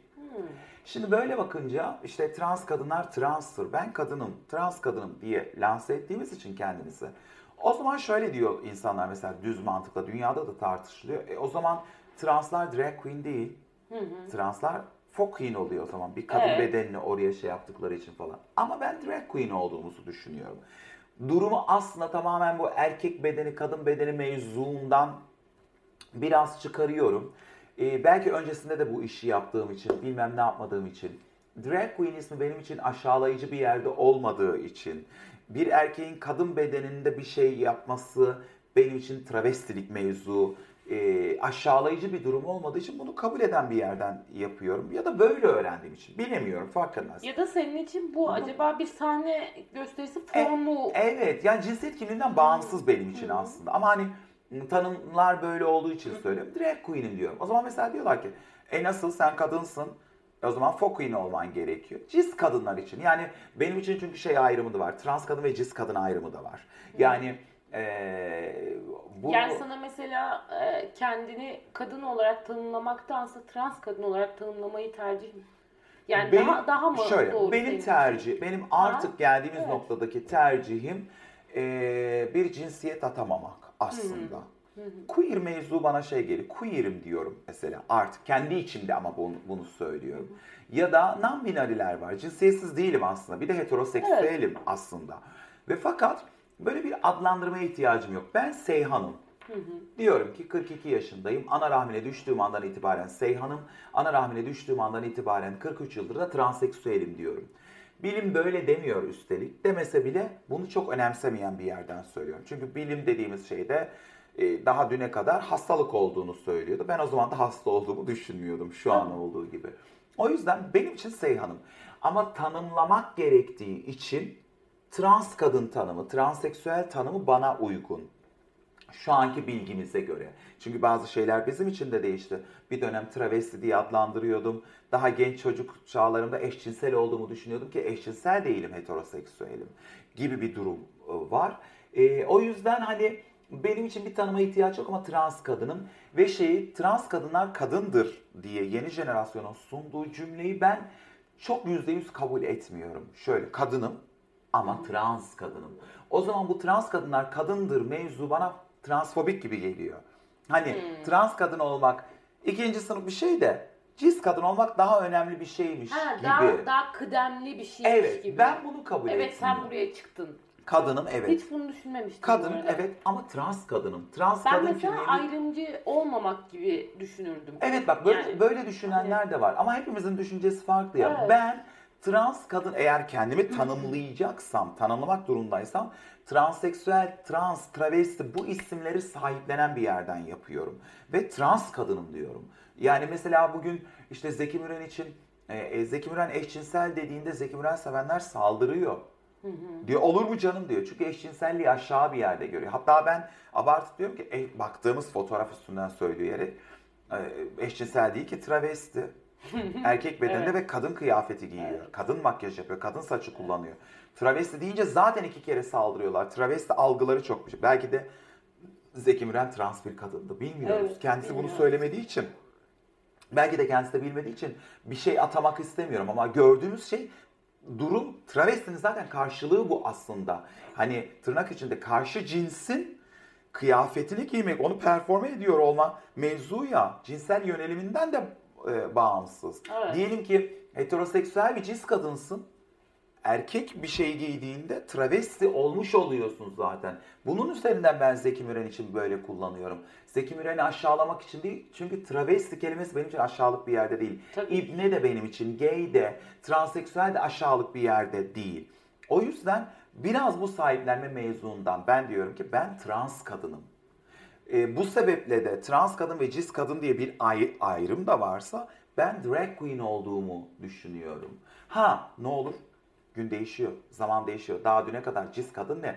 Bu ne? Bilmem bunları bilmiyorduk ya. Evet. Hatta yeni yeni öğreniyoruz. Tabii. 10 yıl sonra başka bir şeyler Hala öğreneceğiz. öğreniyoruz. Evet diyeceğiz ki aa bu böyle değilmiş ben drag queen değilmişim böyleymişim. Tabii. Diyeceğim belki. Bir sürü tartışma var hala. Buna açığım. Burada bir problemim yok. Çünkü Matmazel Cook olarak katıldığım bir video da böyle çok izlendi. Orada da nasıl drag queen'im diyorsun gibi e, mevzular da var. Nereden geliyor Türkiye'ye dersek bence e, Türk sinemasındaki Arap Bacı da bir drag queen performansı. Hmm. Şabaniye bir drag Şabaniye queen performansı. kesinlikle. Huysuz Virgin bir drag queen Huysuz performansı. Yüzde yüz yani. Evet yani hani Ama mesela ilk temsiliyet daha eskide var mı öyle bir şey yani belki bileyim bilmiyorum musun? muhakkak Böyle ne bileyim vardır. tiyatroda falan hani Tiyatro tabii var. Yani e, cis kadınları yani sahneye çıkamadı. Drag queen e, diyebileceğimiz. Drag queen formu RuPaul'da gördüğümüz şey değil. Bunun altını çizmek istiyorum özellikle. Bana da yıllarca öyle yaptılar. Mesela Cahide'de çalıştığımızda Cahide kızları daha transformist. Piyasada hani onlar drag queen değil. Ne demek? Drag queen. Çünkü birisi daha böyle çok güzel kadın gibi görünüyor. İlla abartı olmak zorunda değil. Ama birisi 40 santim ayakkabı giyiyor. Ama o da zaten prodüksiyon oluyor gene bu Ya arada hayır, ya. varyasyonlarımız da Evet var. yani. Yani. mesela drag queenler içinde de şey var. Daha çok cis kadına benzemek bir artı gibi geliyor. Hayır, Hmm. böyle bir artısı yok. Sen kendini öyle düşünüyor, öyle icra ediyor olabilirsin ama öyle bir artısı var diye bir şey yok. Benim mesela Matmazel Coco neredeyse bir tiyatro karakteri gibi bir şey. Evet Karak- bence bu arada e, gerçekten o bakımdan inanılmaz başarılı buluyorum. O yüzden başta Teşekkür o ederim. hikayeyi anlatmak istedim. Hani basenleri, memeleri, saçı, makyajı her şeyiyle böyle hakikaten bağımsız bir karakter Ya yani. zaten ama ben bir karakter oynadığımı düşünerek, şimdi bazı e, drag performansçıları Yani böyle femine olmayı, o olmayı bir... Ya bunların hepsi onun malzemesi şeyi değil yani. evet Ee, bir bedensel şey değil. Ya, gösteri değil o Şimdi yani. dışarıdan bakan ya da çok izlemeyen insanlar bazen böyle şeyler söylüyorlar. Hani bir bedensel bir performans var gibi düşünün. Bedensel performans bir yeri. Ben bir kere bir clown'um. Bir palyaçoyum. Böyle düşünüyorum. Daha önce de gerçek anlamda da palyaçoluk yapmış birisi olarak palyaçoluğu aşağılayan bir yerden söylemiyorum. Soytarılığı da kabul edebilirim. Soytarılığı da aşağılayan bir yerden söylemiyorum. Bu bir Bunların iş, hepsi- bu bir performans, Tabii. bu bir yapılan bir şey. Palyaço olduğumu düşündüğüm için bu kadar rahatım. Yani masanın üstüne çıkıyorum. Seyhan Birçok olarak şeyden daha zor biliyoruz. Evet. Yani Seyhan olarak çıkamam. Yapamam. Söylediğim lafları, yaptığım şakaları kendimi yere atmalarımı ya da eee, söylediğim şarkıyı sesin bir şarkıcı performansı yok ama şarkı söylüyorum. Bunu Seyhan olarak çıkıp söyleyemem. Matmazel Coco'ya şarkı yapıp klip çekeceğim. Seyhan olarak yapamam. O Tabii. bir karakter ve o bu mesela benim roman bir karakterim var. Seyhan olarak oynadığımda tiyatroda başka bir yerden oynuyorum. Matmazel Coco olarak daha klişe, daha abartılı, daha altı çizili tip olarak oynuyorum. Yani orada oynadığımda abe diye konuşuyorum. Seyhan olarak bir roman karakter yapsam abe mabe demem. Peki Matmazel Coco'nun e, o anlattın ya hani sahne aldığı her yerde bir kırılma yaratıyor, bir bağ kuruyor, dil tutturuyor. E, Seyhan'la Matmazel Coco'nun işte bu ayrımcılığa, fobikliğe, e, daha doğrusu bunlarla karşılaşması nasıl farklar var orada? Ya şöyle, Seyhan'ın hayatı mı daha zor, Matmazel Coco'nun mu? e, bence ikisinin de değil. Yani ben hayatı zor olarak görmüyorum. E, karşılaştığım eşikleri ol- olması gerekenmiş gibi düşünüyorum. Önüme bir taş çıktığında hepimizin hayatında çıkıyor diyorum ve onu bir problem olarak o anda görüyorum. O taşı atlattığımda dönüp de bak benim de önüme böyle taşlar çıktı demiyorum. Böyle çukurlar çıktı demiyorum. O yüzden ben hayatımda geneli itibariyle burada bir sorun ya ben de ne kadar işte böyle bir yerden düşünmüyorum. O an oluyor. O an onu çözüyorum. Zaten cevvalim. Matmazel Coco ile Seyhan'ın aslında mantık olarak aynı yerdeyiz. Çünkü Matmazel Coco da Seyhan. Seyhan'ın eee, atıyorum patavatsız birisiyim, idim de diyebiliriz. Çok konuşuyorum, gevezeyim, laf sokma huyum var, Eee, çok gerçekçi bakıyorum. Yani mesela beni burada sinir ettiysem bunu söylüyorum.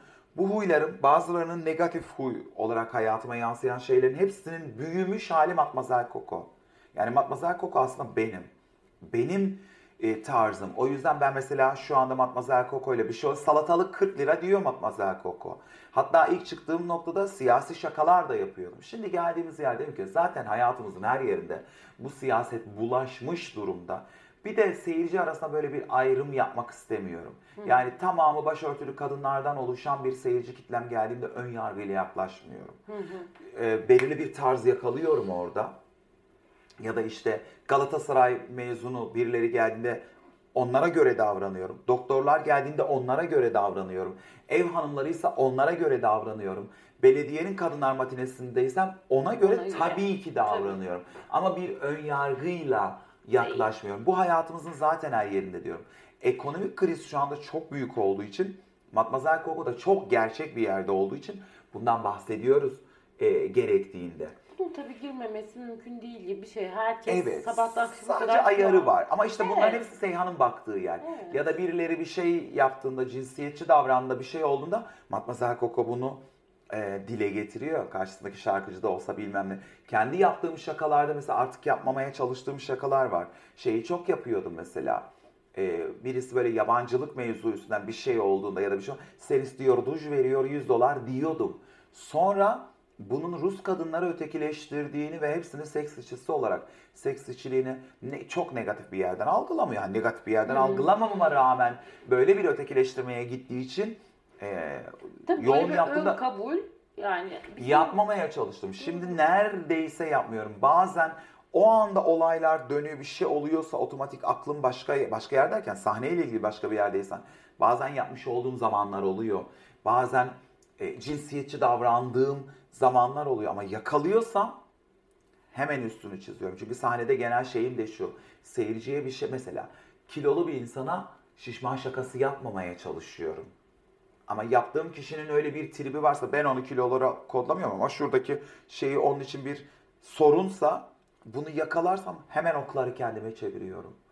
Hemen kendimi e, alaşağı eden bir yerden e, tırnak içinde söylüyorum maymuna çevirip o insanı geri kazanmaya çalışıyorum. Yani genelde e, direkt gördüğüm şey üstünden laf sokmuyorum. Drag queenlerde biraz queer kafada biraz e, bu var. Burnun büyükse bunun şakası yapılıyor. Hmm. Sen o koca burnunu önce bilmem ne diyoruz. deniliyor. Ama ben bunu yapmamaya çalışıyorum. daha iyi hissettirmeye çalışan bir e, Eğlence satıyorum diye düşünüyorum. Evet, Ve mesela eğlence ama yine de bir üslubu Evet, başka. bu bardak burada Ha. düşüyor mesela. Hepimiz görüyoruz, yetişkin insanlarız. Görmemiş gibi davranıyoruz. Ben görüyorum ve bunun üstünden şaka çık. Bardağın devrilmesinden ne şaka olur? Bir şaka çıkarıyorum. Ve mesela o şaka o gün tutuyor diyelim. O anda tuttu. Hepimiz güldük, eğlendik. Sonra dönüyor geliyor. Bardak devrilince böyle oldu diyorum. Geçtiğimiz günlerde bir tiyatro e, ödül törenini sundum. Şey yok. Getirmeleri gerekiyor. Ne derler ona? Projeksiyon yok. Bir şey yok. Prodüksiyonda problemler var. Rüzgarlı bir havaydı, açık havaydı falan. Yalan söyledim seyirciye. Dedim ki hani projeksiyon da gecenin en önemli şeyi ama yok. yani evet projeksiyonu biz de şey yapamadık. Belediye bize temin etmedi ya da arkadaşlar unutmuş demedim. Dedim ki biz buraya astık projeksiyonu. Öğlen 3'te geldim hazırlanıyoruz. Çok fazla rüzgar var. Rüzgardan uçtu kaldırdık dedim. O yüzden rüzgardan dedim. Sonra e, jüri başkanı çıktı. Jüri başkanı da çok konuşmasıyla meşhur. Daha önce de sunmuştum onu böyle susturuyorum falan. Bir şey oldu rüzgardan dedim. Seyirci güldü. Ne kadar aksilik olduysa gecede ki oluyor. Ben bu rüzgardan tutunca rüzgardan mevzunu yapmaya başladım. Yani rüzgardan diye bir şey oluyor. Sonra bir şey oldu. Ben bir şey hata yaptım. Birinin başka Ayşe yazıyor Mehmet'e verdiğimiz şeyi falan. Seyirci oradan bağırdı. Rüzgardan. Ve çok eğlendik. Gün bitti. Gece bir şeyler oldu. Üstünden 2-3 gün geçti. Twitter'da bir şey. Ay dedim işte kahretsin şöyle olunca böyle oldu. Arabamın tekeri mi patladı bir şey oldu. Oradan yazmış birisi. Rüzgardan. Tanıdığım birisi de değil. Yani Çok ben iyiymiş ya. böyle şakalar o gece yapmayı. şey o gün orada olan biri. Evet yani öyle bir yerden yürümeyi seviyorum.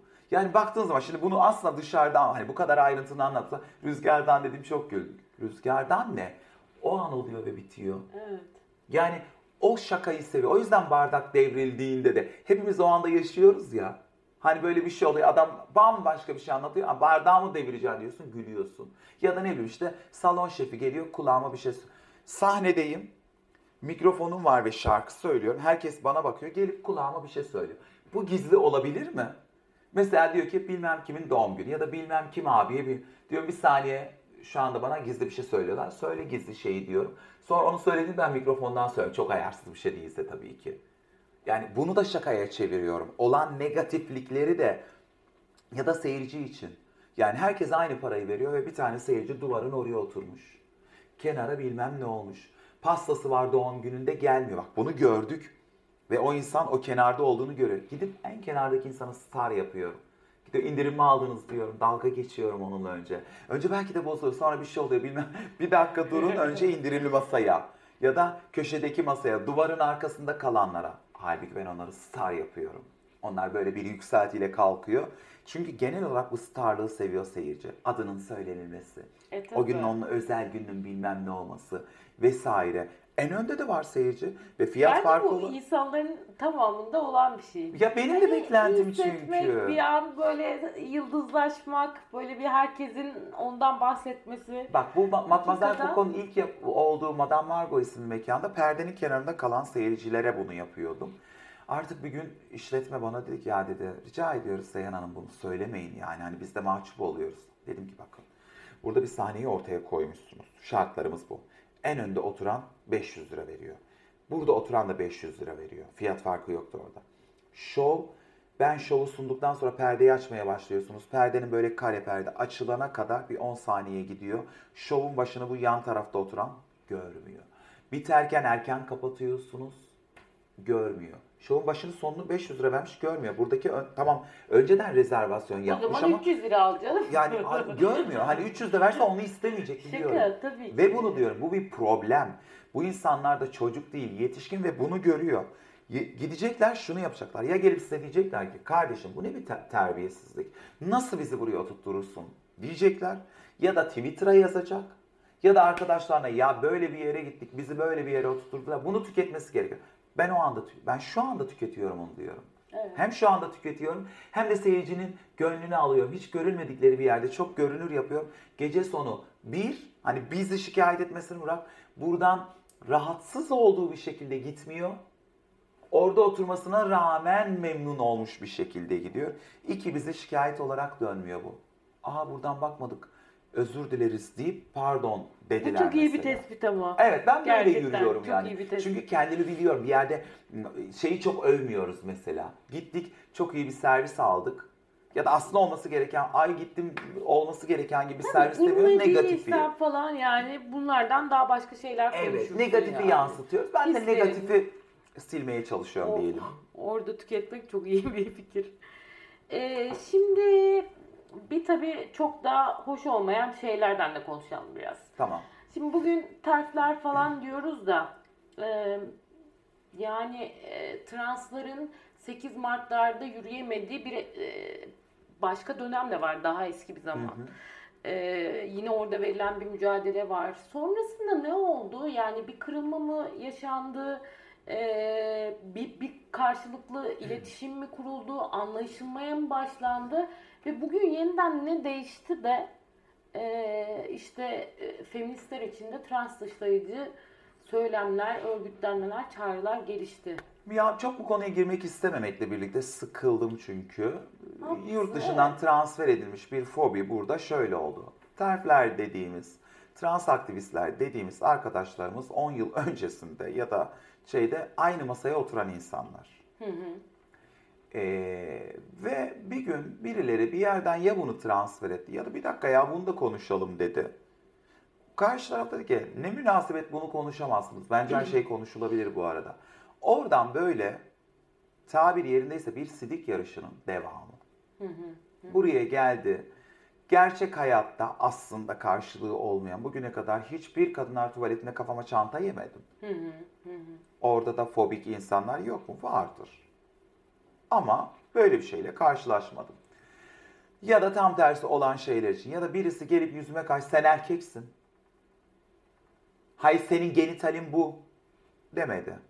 Bunu radikal feminist, trans dışıcı radikal feminist dediğimiz akademisyen olduğunu söyleyen insanlar söylüyor ve bu bana kabul edilemez, inanılmaz geliyor. Tartışmak istediğiniz bir şeyler vardı. Tartışmaya açılabilirdi bence. Trans aktivistler neden buna izin vermedi? O kısmını ayrı bir tartışma konusu. Gelme biçiminden dolayı da olmamış olabilir. Bilmiyorum. tabii. Başlamıştı çünkü biz dahil olduğumuzda. Orada bir yanlışlık olmuş bence. Ee, ve geldiğimiz noktada çok çirkin bir yere gitti. Sonra ben mesela bir konuşma yapıyorum. Diyorum ki ya deli misiniz siz? Gerçek hayatta bunun karşılığı yok. Gerçek hayatta cis kadınlar, feministler, translar biz beraber mücadele ediyoruz. Beni diyorum yani hemen hepimizi böyle kodluyorsunuz. Yaptığımız şey ona belki eşit geliyor. Kadın düşmanı falan filan. Yani diyorum ki mevzu öyle değil. Kadın düşmanı o. Bir kere cinsiyetlerle ilgili benim şeyim yok. Yani belki ben o anlamda feminist bile değilim yani. Hani e, mesela bir erkeklere karşı ayrımcı bir şeyim de yok. Benim için erkek kadın queer böyle bir ayrım yok. Bana ne ki? Ben insan olarak bakıyorum. Hümanistim gibi bir şey çizmek için söyle. Gerçekten ilgilenmiyorum. Ama bir ayrımcılık yaptığım noktada e, kadına daha e, pozitif ayrımcılık yapıyorum. Kadın benim için birinci sınıf. Standartta algılanan erkek birinci sınıf, kadın ikinci sınıf ya. Ben de tam tersi. Ve çıkıp dediğim yerden görüyorum. Kadınlar beni kurtardı, elimden tuttu. Her düştüğüm çukurdan beni çıkardı, sırtımı sıvazladı. O yüzden benim söylediğim şey oraya geliyor olsa bile, yanlış söylemiş olsam bile bunu kabul edebilirim, sorun yok. Kadın düşmanı olma ihtimalim yok. Kadın cinsiyetine karşı bir şeyim varsa pozitif ayrımcılığım var sadece ki bir şeyler biz biriz falan diye böyle bir şey yapıp sonra aklıma geliyor. Bir tanesi de diyorum işte çıkıp kafamıza çanta vuracakmış işte bilmem ne falan. Böyle böyle söylüyor sen erkeksin diyor genitalimiz konuşuyor.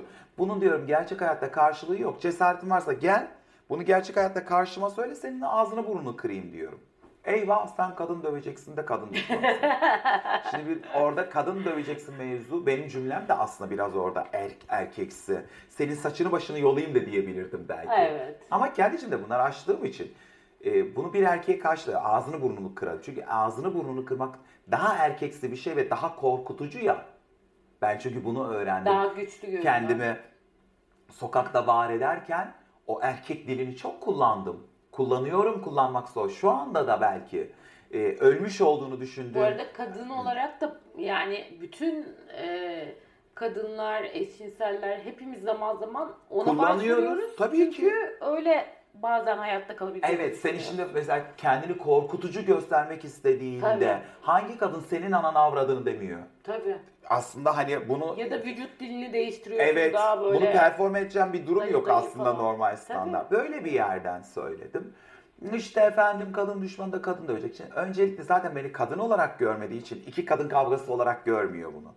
Öteki taraftan diyorum ki bir kadın ya da bir erkek ben terfleri bu arada sadece kadın diye de kodlamıyorum şu anda. Çünkü gelişti yani her cinsiyetten queerlerden de var terf düşüncesine sahip olan. Böyle değerlendiriyorum. Ama diyorum ki herhangi bir insanın benim yüzüme karşı gelip bak benim için erkeklik kadınlık önemli olmadığı halde erkeksin sen. Senin vajinan yok gelip bakmadığı halde bu arada. Sen kadın değilsin ki sakalın var. İşte senin kafana da bunu vururum. Kadınlar tuvaletine giremezsin derse ağzını burnunu kırarım demek istedim. Bak iki saatlik konuşmanın bir kısmı. O an doğaçlama gelişmiş bir şey. Bunu an- anlatı, alıntılayıp böyle bir şey. Sonra birileri bunu. Terfler okey. Diyorum ki bunlar dengesiz bence. Böyle düşünüyorum. Yani mantıkları yok. Bir şeyleri var, bir şeye inanmışlar ama başka bir yerden. Bir durun ya, bir dur bak yanlış bakıyorsun. Mesela şey, bunu mesela trans aktivistler de e, tartışmaya açmadığı için de sinir oluyorum. Diyorlar ki trans kadınlara siz erkekliğin vermiş olduğu özgüvenden dolayı böyle ve bizim translarda trans aktivistler saldırıyor. Ben de diyorum ki evet doğru söylüyorlar. Erkek, Trans aktivistler neden e, tartışmayı açmıyor sence? E, çünkü yaramız var bazı şeylerde. Allah Öyle ama aslında öyle değil de şimdi anlatacağım. Öyle zannedilen bir şey var. Şimdi mesela sen yolda yürürken birisi sana dese ki sakalın çıkmış, sakalın olmadığı halde dese bu seni sinir etmez. Benim sakalım olmadığı halde bana derse beni eder. Yani erkekmişim iması yapıldığında da. Çünkü yıllarca şunu diyorsun. Herkes sana diyor ki erkeksin. Sen de diyorsun ki hayır kadınım. Dediğin bir yerde biri sana ve bunu hiç ummadığın bir yer. Yandaş olduğun, kol kol olduğun biri söyleyince bakıyorsun. Karşı taraf söylediğinde sen erkeksin de siktir diyorsun geçiyorsun. Ama yanındaki söylediğinde hayal kırıklığı nasıl yani gibi bir durum bence. Aslında tam, tam bunu sormak istiyordum. Yani transfobik onca çevreyle karşı karşıya kalan bu insanlar bu kadınlardan, feministlerden gelince yani o ikisini nasıl E, tamam. ayırıyorsun? E tabii ki mevzu biraz bu. Biraz da e, özellikle Z kuşağındaki trans aktivistlerin bizim tarafımızdan, eski kuşaktan ukala, çok biliyor falan algılama, algılanmasıyla da ilgili. Kuşak çatışması da var çünkü. çünkü yeni gelenler daha başka bir yerden geliyor. Biz e, atıyorum bir kafeye alınmamızı bir lütuf gibi görüyorduk. Onlar ne münasebet tabii ki beni buraya alacaksın. Ve beni istediğim kıyafetle buraya alacaksın. Biz işte bir düğüne gideceksek o abiye kıyafeti giyip saçımızı toplatıp uyduruyorum. Ee, o simi dökmek durumundayız. O da ki yok ayol ne alakası var ben kısacık saçla giderim kafasında. Kafalarımız farklı ya biraz da oradan gelen bir şey. Erkekliğin verdiği özgüvenin şeyi diyorlar hani o erkek gibi davranmam. Halbuki bu öğretilmiş travestilik, öğretilmiş translık, öğretilmiş kendimizi koruma mevzu üzerinden Evet, gelen bir durum. işte. Evet, aynen öyle. Bunu çok uzun anlattığım için şimdi burada anlatmıyorum. Ben de diyorum ki evet, yani bu, bu mevzuyu niye konuşmuyoruz dedim ben trans. Konuşalım doğru söylüyorlar dedim. Bana da trans aktivistler nasıl doğru söylüyorlar saçmalama çünkü şöyle deyip anlattım. Karşı taraf diyor ki erkekliğin verdiği özgüven. Bunda ne demek istiyor? Diyelim ki 10 yaşında bir cis kız çocuğuyla bir trans kız çocuğu erkek olarak kodlanan çocuktan bahsediyorum. Ben diyelim 10 yaşındayken. 10 yaşında o kız çocuğu akşam 6'dan sonra benim oturduğum kenar mahallede sokağa kapının önüne çıkamazdı. Ama ben o erkeklerle beraber mahallemizin köşesinde böyle e, sokak lambasının altına gece 12'ye kadar 1'e kadar oturabilirdim. Hiç oturmadım bu arada ama oturabilirdim. Bana o şeyi vermişlerdi. Kızlar çarşıya gidemezken yani ruh olarak bakıldığında ben de bir kızım. Aynı ülkeklikteyim ama ben gidebilirdim. Parka gidebilirdim. Tek başıma bilmem ne yapabilirdim. Şunu yapabilirdim, bunu yapabilirdim. Atari'yi falan yapabilirdim, filan yapabilirdim. Bu erkekliğin öyle algıladıkları için verdiği özgüven diye bahsettikleri şey bu. Okey. Peki diyorum terflere. Erkekliğin özgüveni diye böyle pozitif söylediğin şey benim için pozitif mi? Sence ben de özellikle o çağda akşam 6'dan sonra ailem bana kapının önüne çıkmayacaksın dediğinde mutlu olur muydum? Veya erkeklerle orada o ışığın altında erkek muhabbeti, mastürbasyon bilmem ne konuşmak beni rahatsız ediyor muydu? Askere gitmedim ama askere gitmiş olsaydım binlerce askerle aynı yatakhaneyi paylaşıp onların o erkek muhabbetini çekmek, erkek davranışlarına katlanmak bir artı mı? Ve benim yanımda kendimi açmadığım dönemde, kendime itiraf edemediğim dönemde ibnelik üstünden, homofobi üstünden aşağıladıklarında benim orada aldığım şekil, benim mecburen, bunların hiçbirini yapmadım bu arada çünkü erkeklerle böyle bir teşviki mesaim olmadı. Ben yaptığımı varsayarak söylüyorum. Benim mecburen sokaktan geçen feminen bir gay, onların e, onlar yani eşcinselliğim, translığım anlaşılmasın diye saldırmış olmam sizce bir artı mı? Erkek olmadığım halde erkekmiş gibi davranmaya çalışmak, düğünde e, ellerimi açı açı oynamak, yolda yürürken bacağımı ayırarak yürümeye çalışmak. Bunlar bir artı mı? Sana göre bir artı. Evet. Ha şurada bir artısı var. Kız çocukları daha korunaklı bir yerde büyütüldüğü için atıyorum 20 yaşında ya da evlendikten sonra ya da çalışmaya başladıktan sonra ya da üniversite hayatından sonra sokakla karşılaştığında ben evet 15 yaşında karşılaşmıştım. Daha gardım yüksek. O erkekliğin özgüveni dediğin şey sokakta biriyle kavga ederken o rolü daha kolay üstüme e, biçip kavga edip kendimi korumuş olabilirim. Böyle yerlerde amenna. Ama özünde baktığında sizin erkekliğin verdiği özgüvenle böyle yapıyor dediğin şey benim kendimi koruma içgüdüm, benim korkumun tezahürü, benim ne yapacağımı bilemememin eşittiri aslında. Mesela bu tartışılabilirdi zamanında Evet. tartışsaydık. Böyle ben de onlara anlatırdım. Anlarlardı. Eşek değiller bence. Ama o eşik atlandı. Ve şimdi geldiğimiz noktada terfler yüzde bir milyar doğru bir şey de söylüyor olsa bile kendi adıma diyor ki umurumda değilsiniz. Çünkü geldiğiniz yer çok çirkin. O ya da bu sebeple trans aktivistlerden dolayı, Z kuşağından dolayı, falandan filandan dolayı bu düşmanlığı yaratmış olabilirsiniz.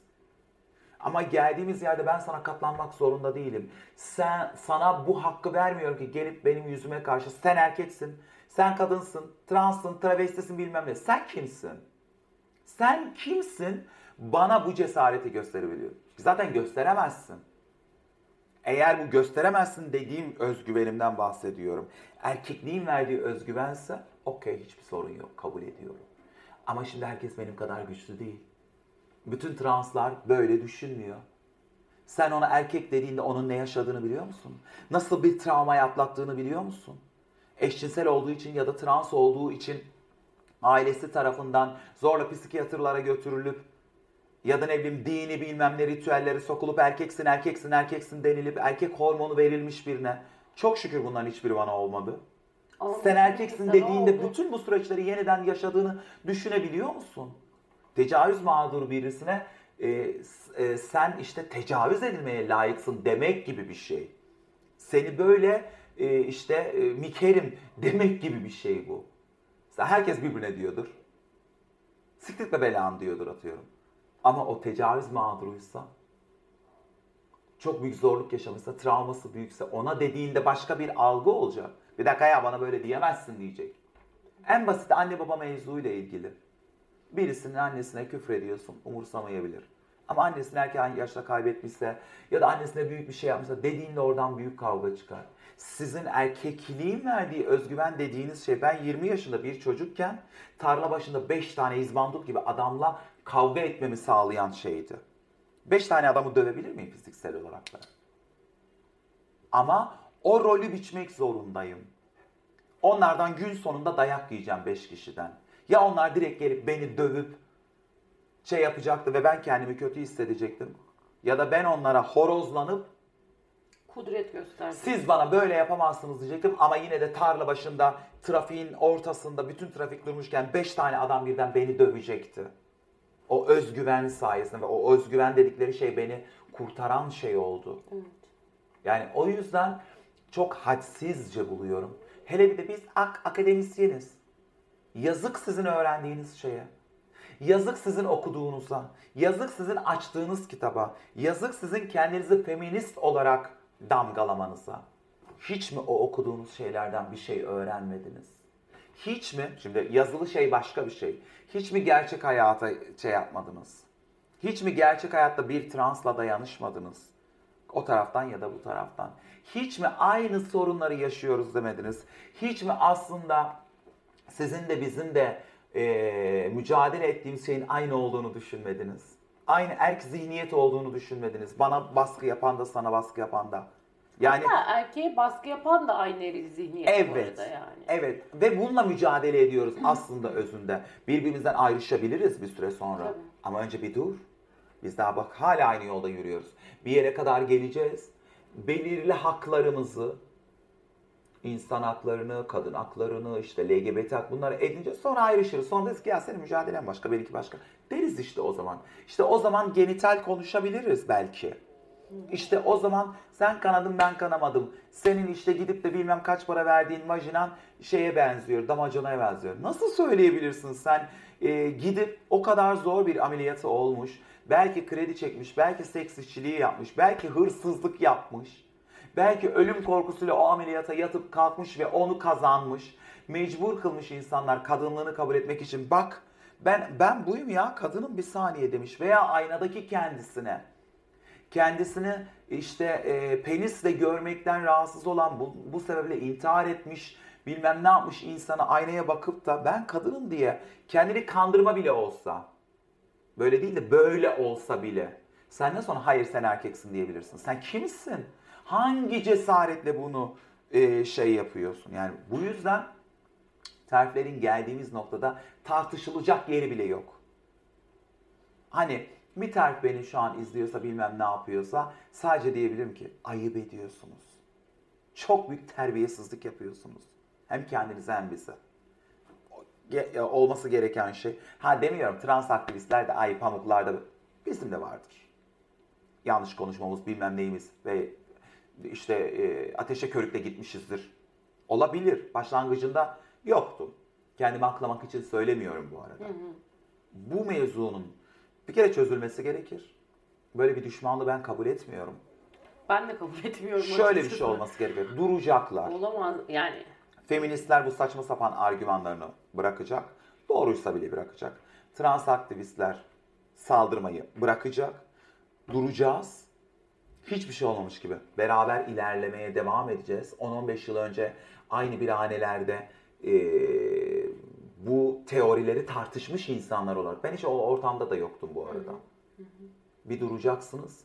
Beraber yürümeye devam edeceksiniz. Zamanı gelecek yine bunları konuşmak. Sonra diyeceğiz, hadi bunu da konuşalım.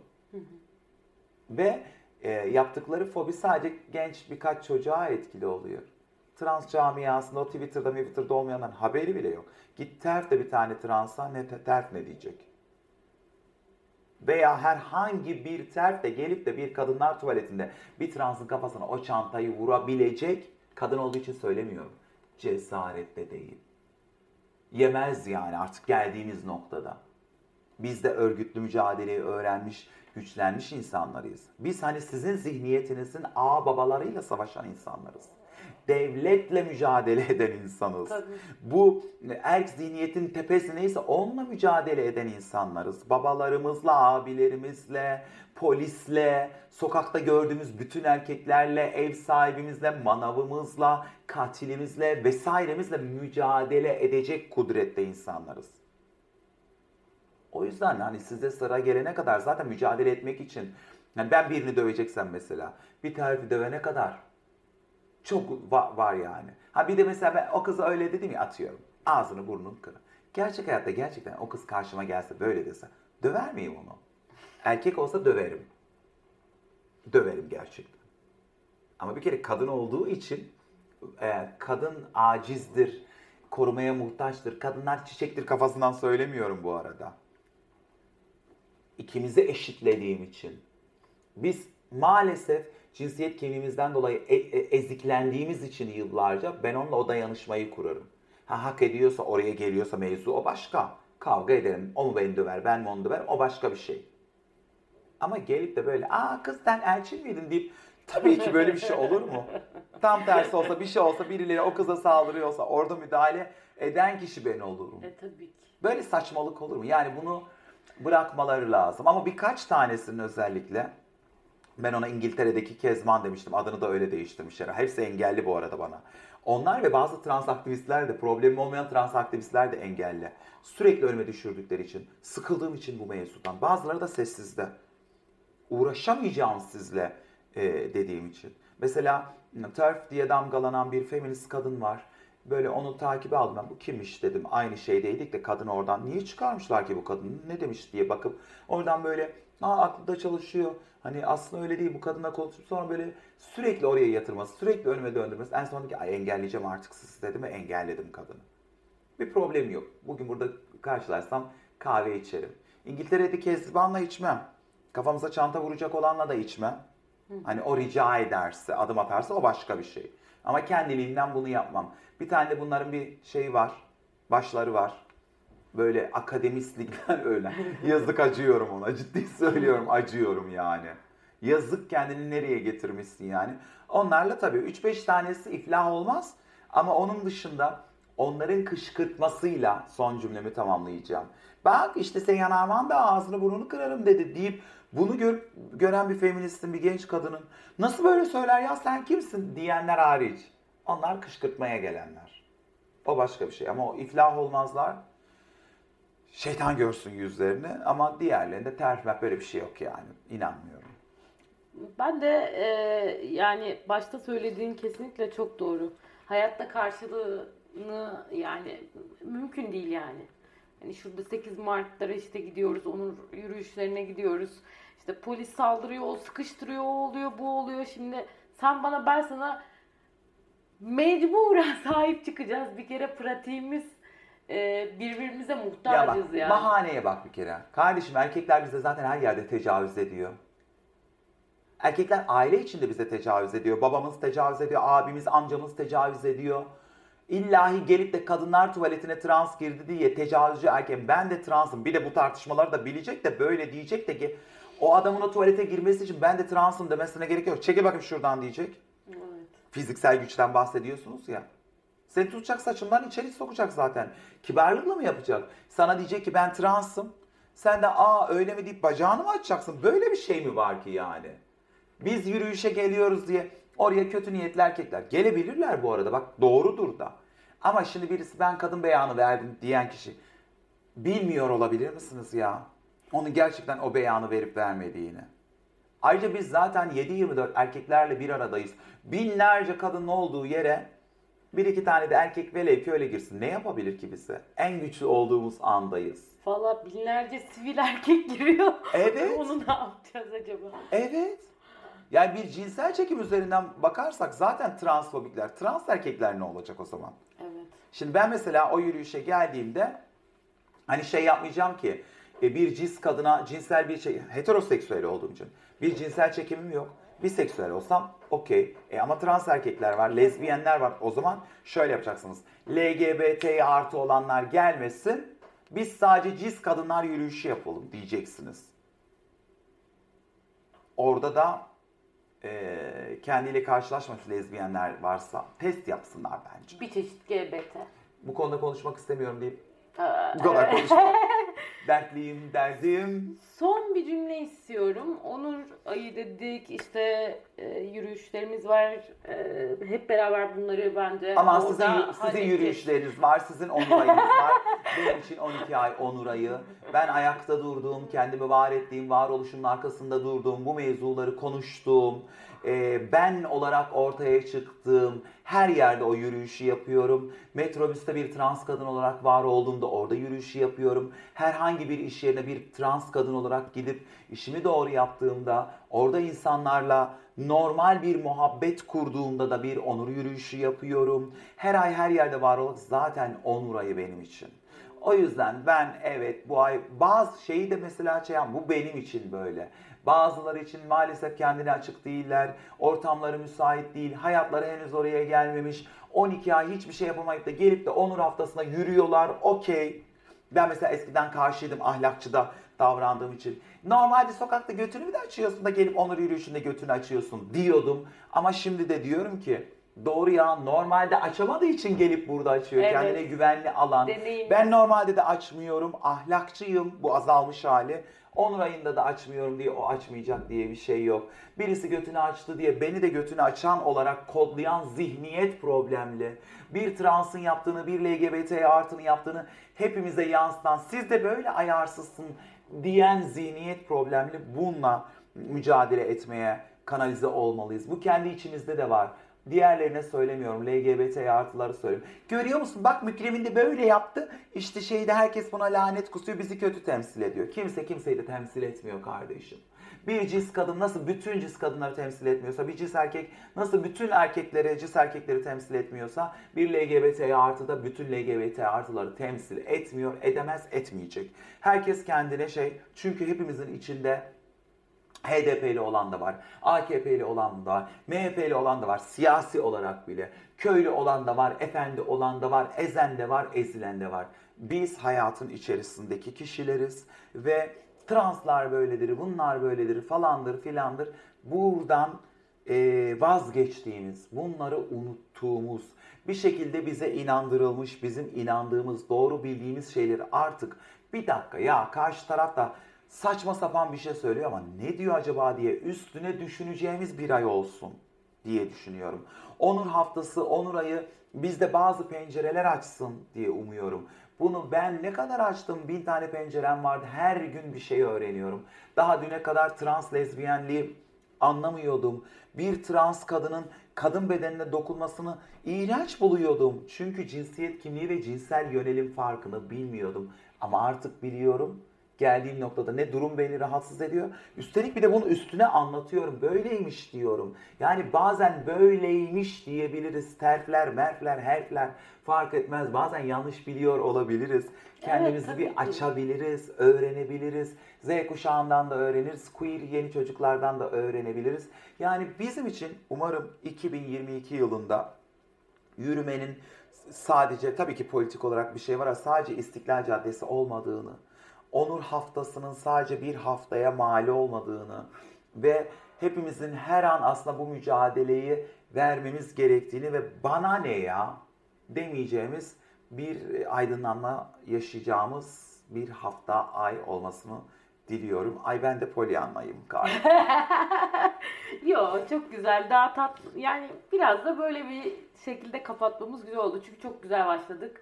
Arada canımızı sıktık. Sonra e, güzel dileklerle kapattık. Sonuçta senin hep söylediğin gibi gerçekle ancak bu da mümkün olacak. Teşekkür ederim. Çok ben sağ ol. teşekkür ederim. E, sahiden daha çok oyunculuk, tiyatro e, konuşacağımız sohbetlerde yine buluşacağımızı umuyorum. Umarım, umarım. Sen istersen ben hep isterim. Benim için hiç fark etmez. Ben Ee, bir trans olarak bu hayatta bununla ilgili zorluk yaşamış, yaşıyor, yaşayacak birisi olarak bu konuda mücadele vermeye her zaman hazırım. Yani tiyatro konuştuğum yerde de bunu konuşurum çünkü gerçek hayatta da Evet. bu var. Bilmem ne konuştuğum yerde de konuşurum. Bana bunlar zul değil. Ee, ben bu mücadelenin bir neferi olduğumu düşünüyorum. Hiç zor değil yani benim için. Organik bir parçası tabii çok haklısın. Ee, bizi izlediğiniz için teşekkür ederiz. İstanbul Edebiyat Evi'nde queer konuşmalar sürecek. Ee, Seyhan Arman'ı ağırladık. Hem drag queen'i hem de e, Türkiye'de e, trans olmayı, e, LGBTİ artı olmayı konuştuk. Eşit ve yan yana yürüyeceğimiz ve gerçekten bu ayrımları ortadan kaldıracağımız e, günleri işte yolu, o uzun yürüyüşü kısaltmamız umuduyla diyelim. Hoşçakalın.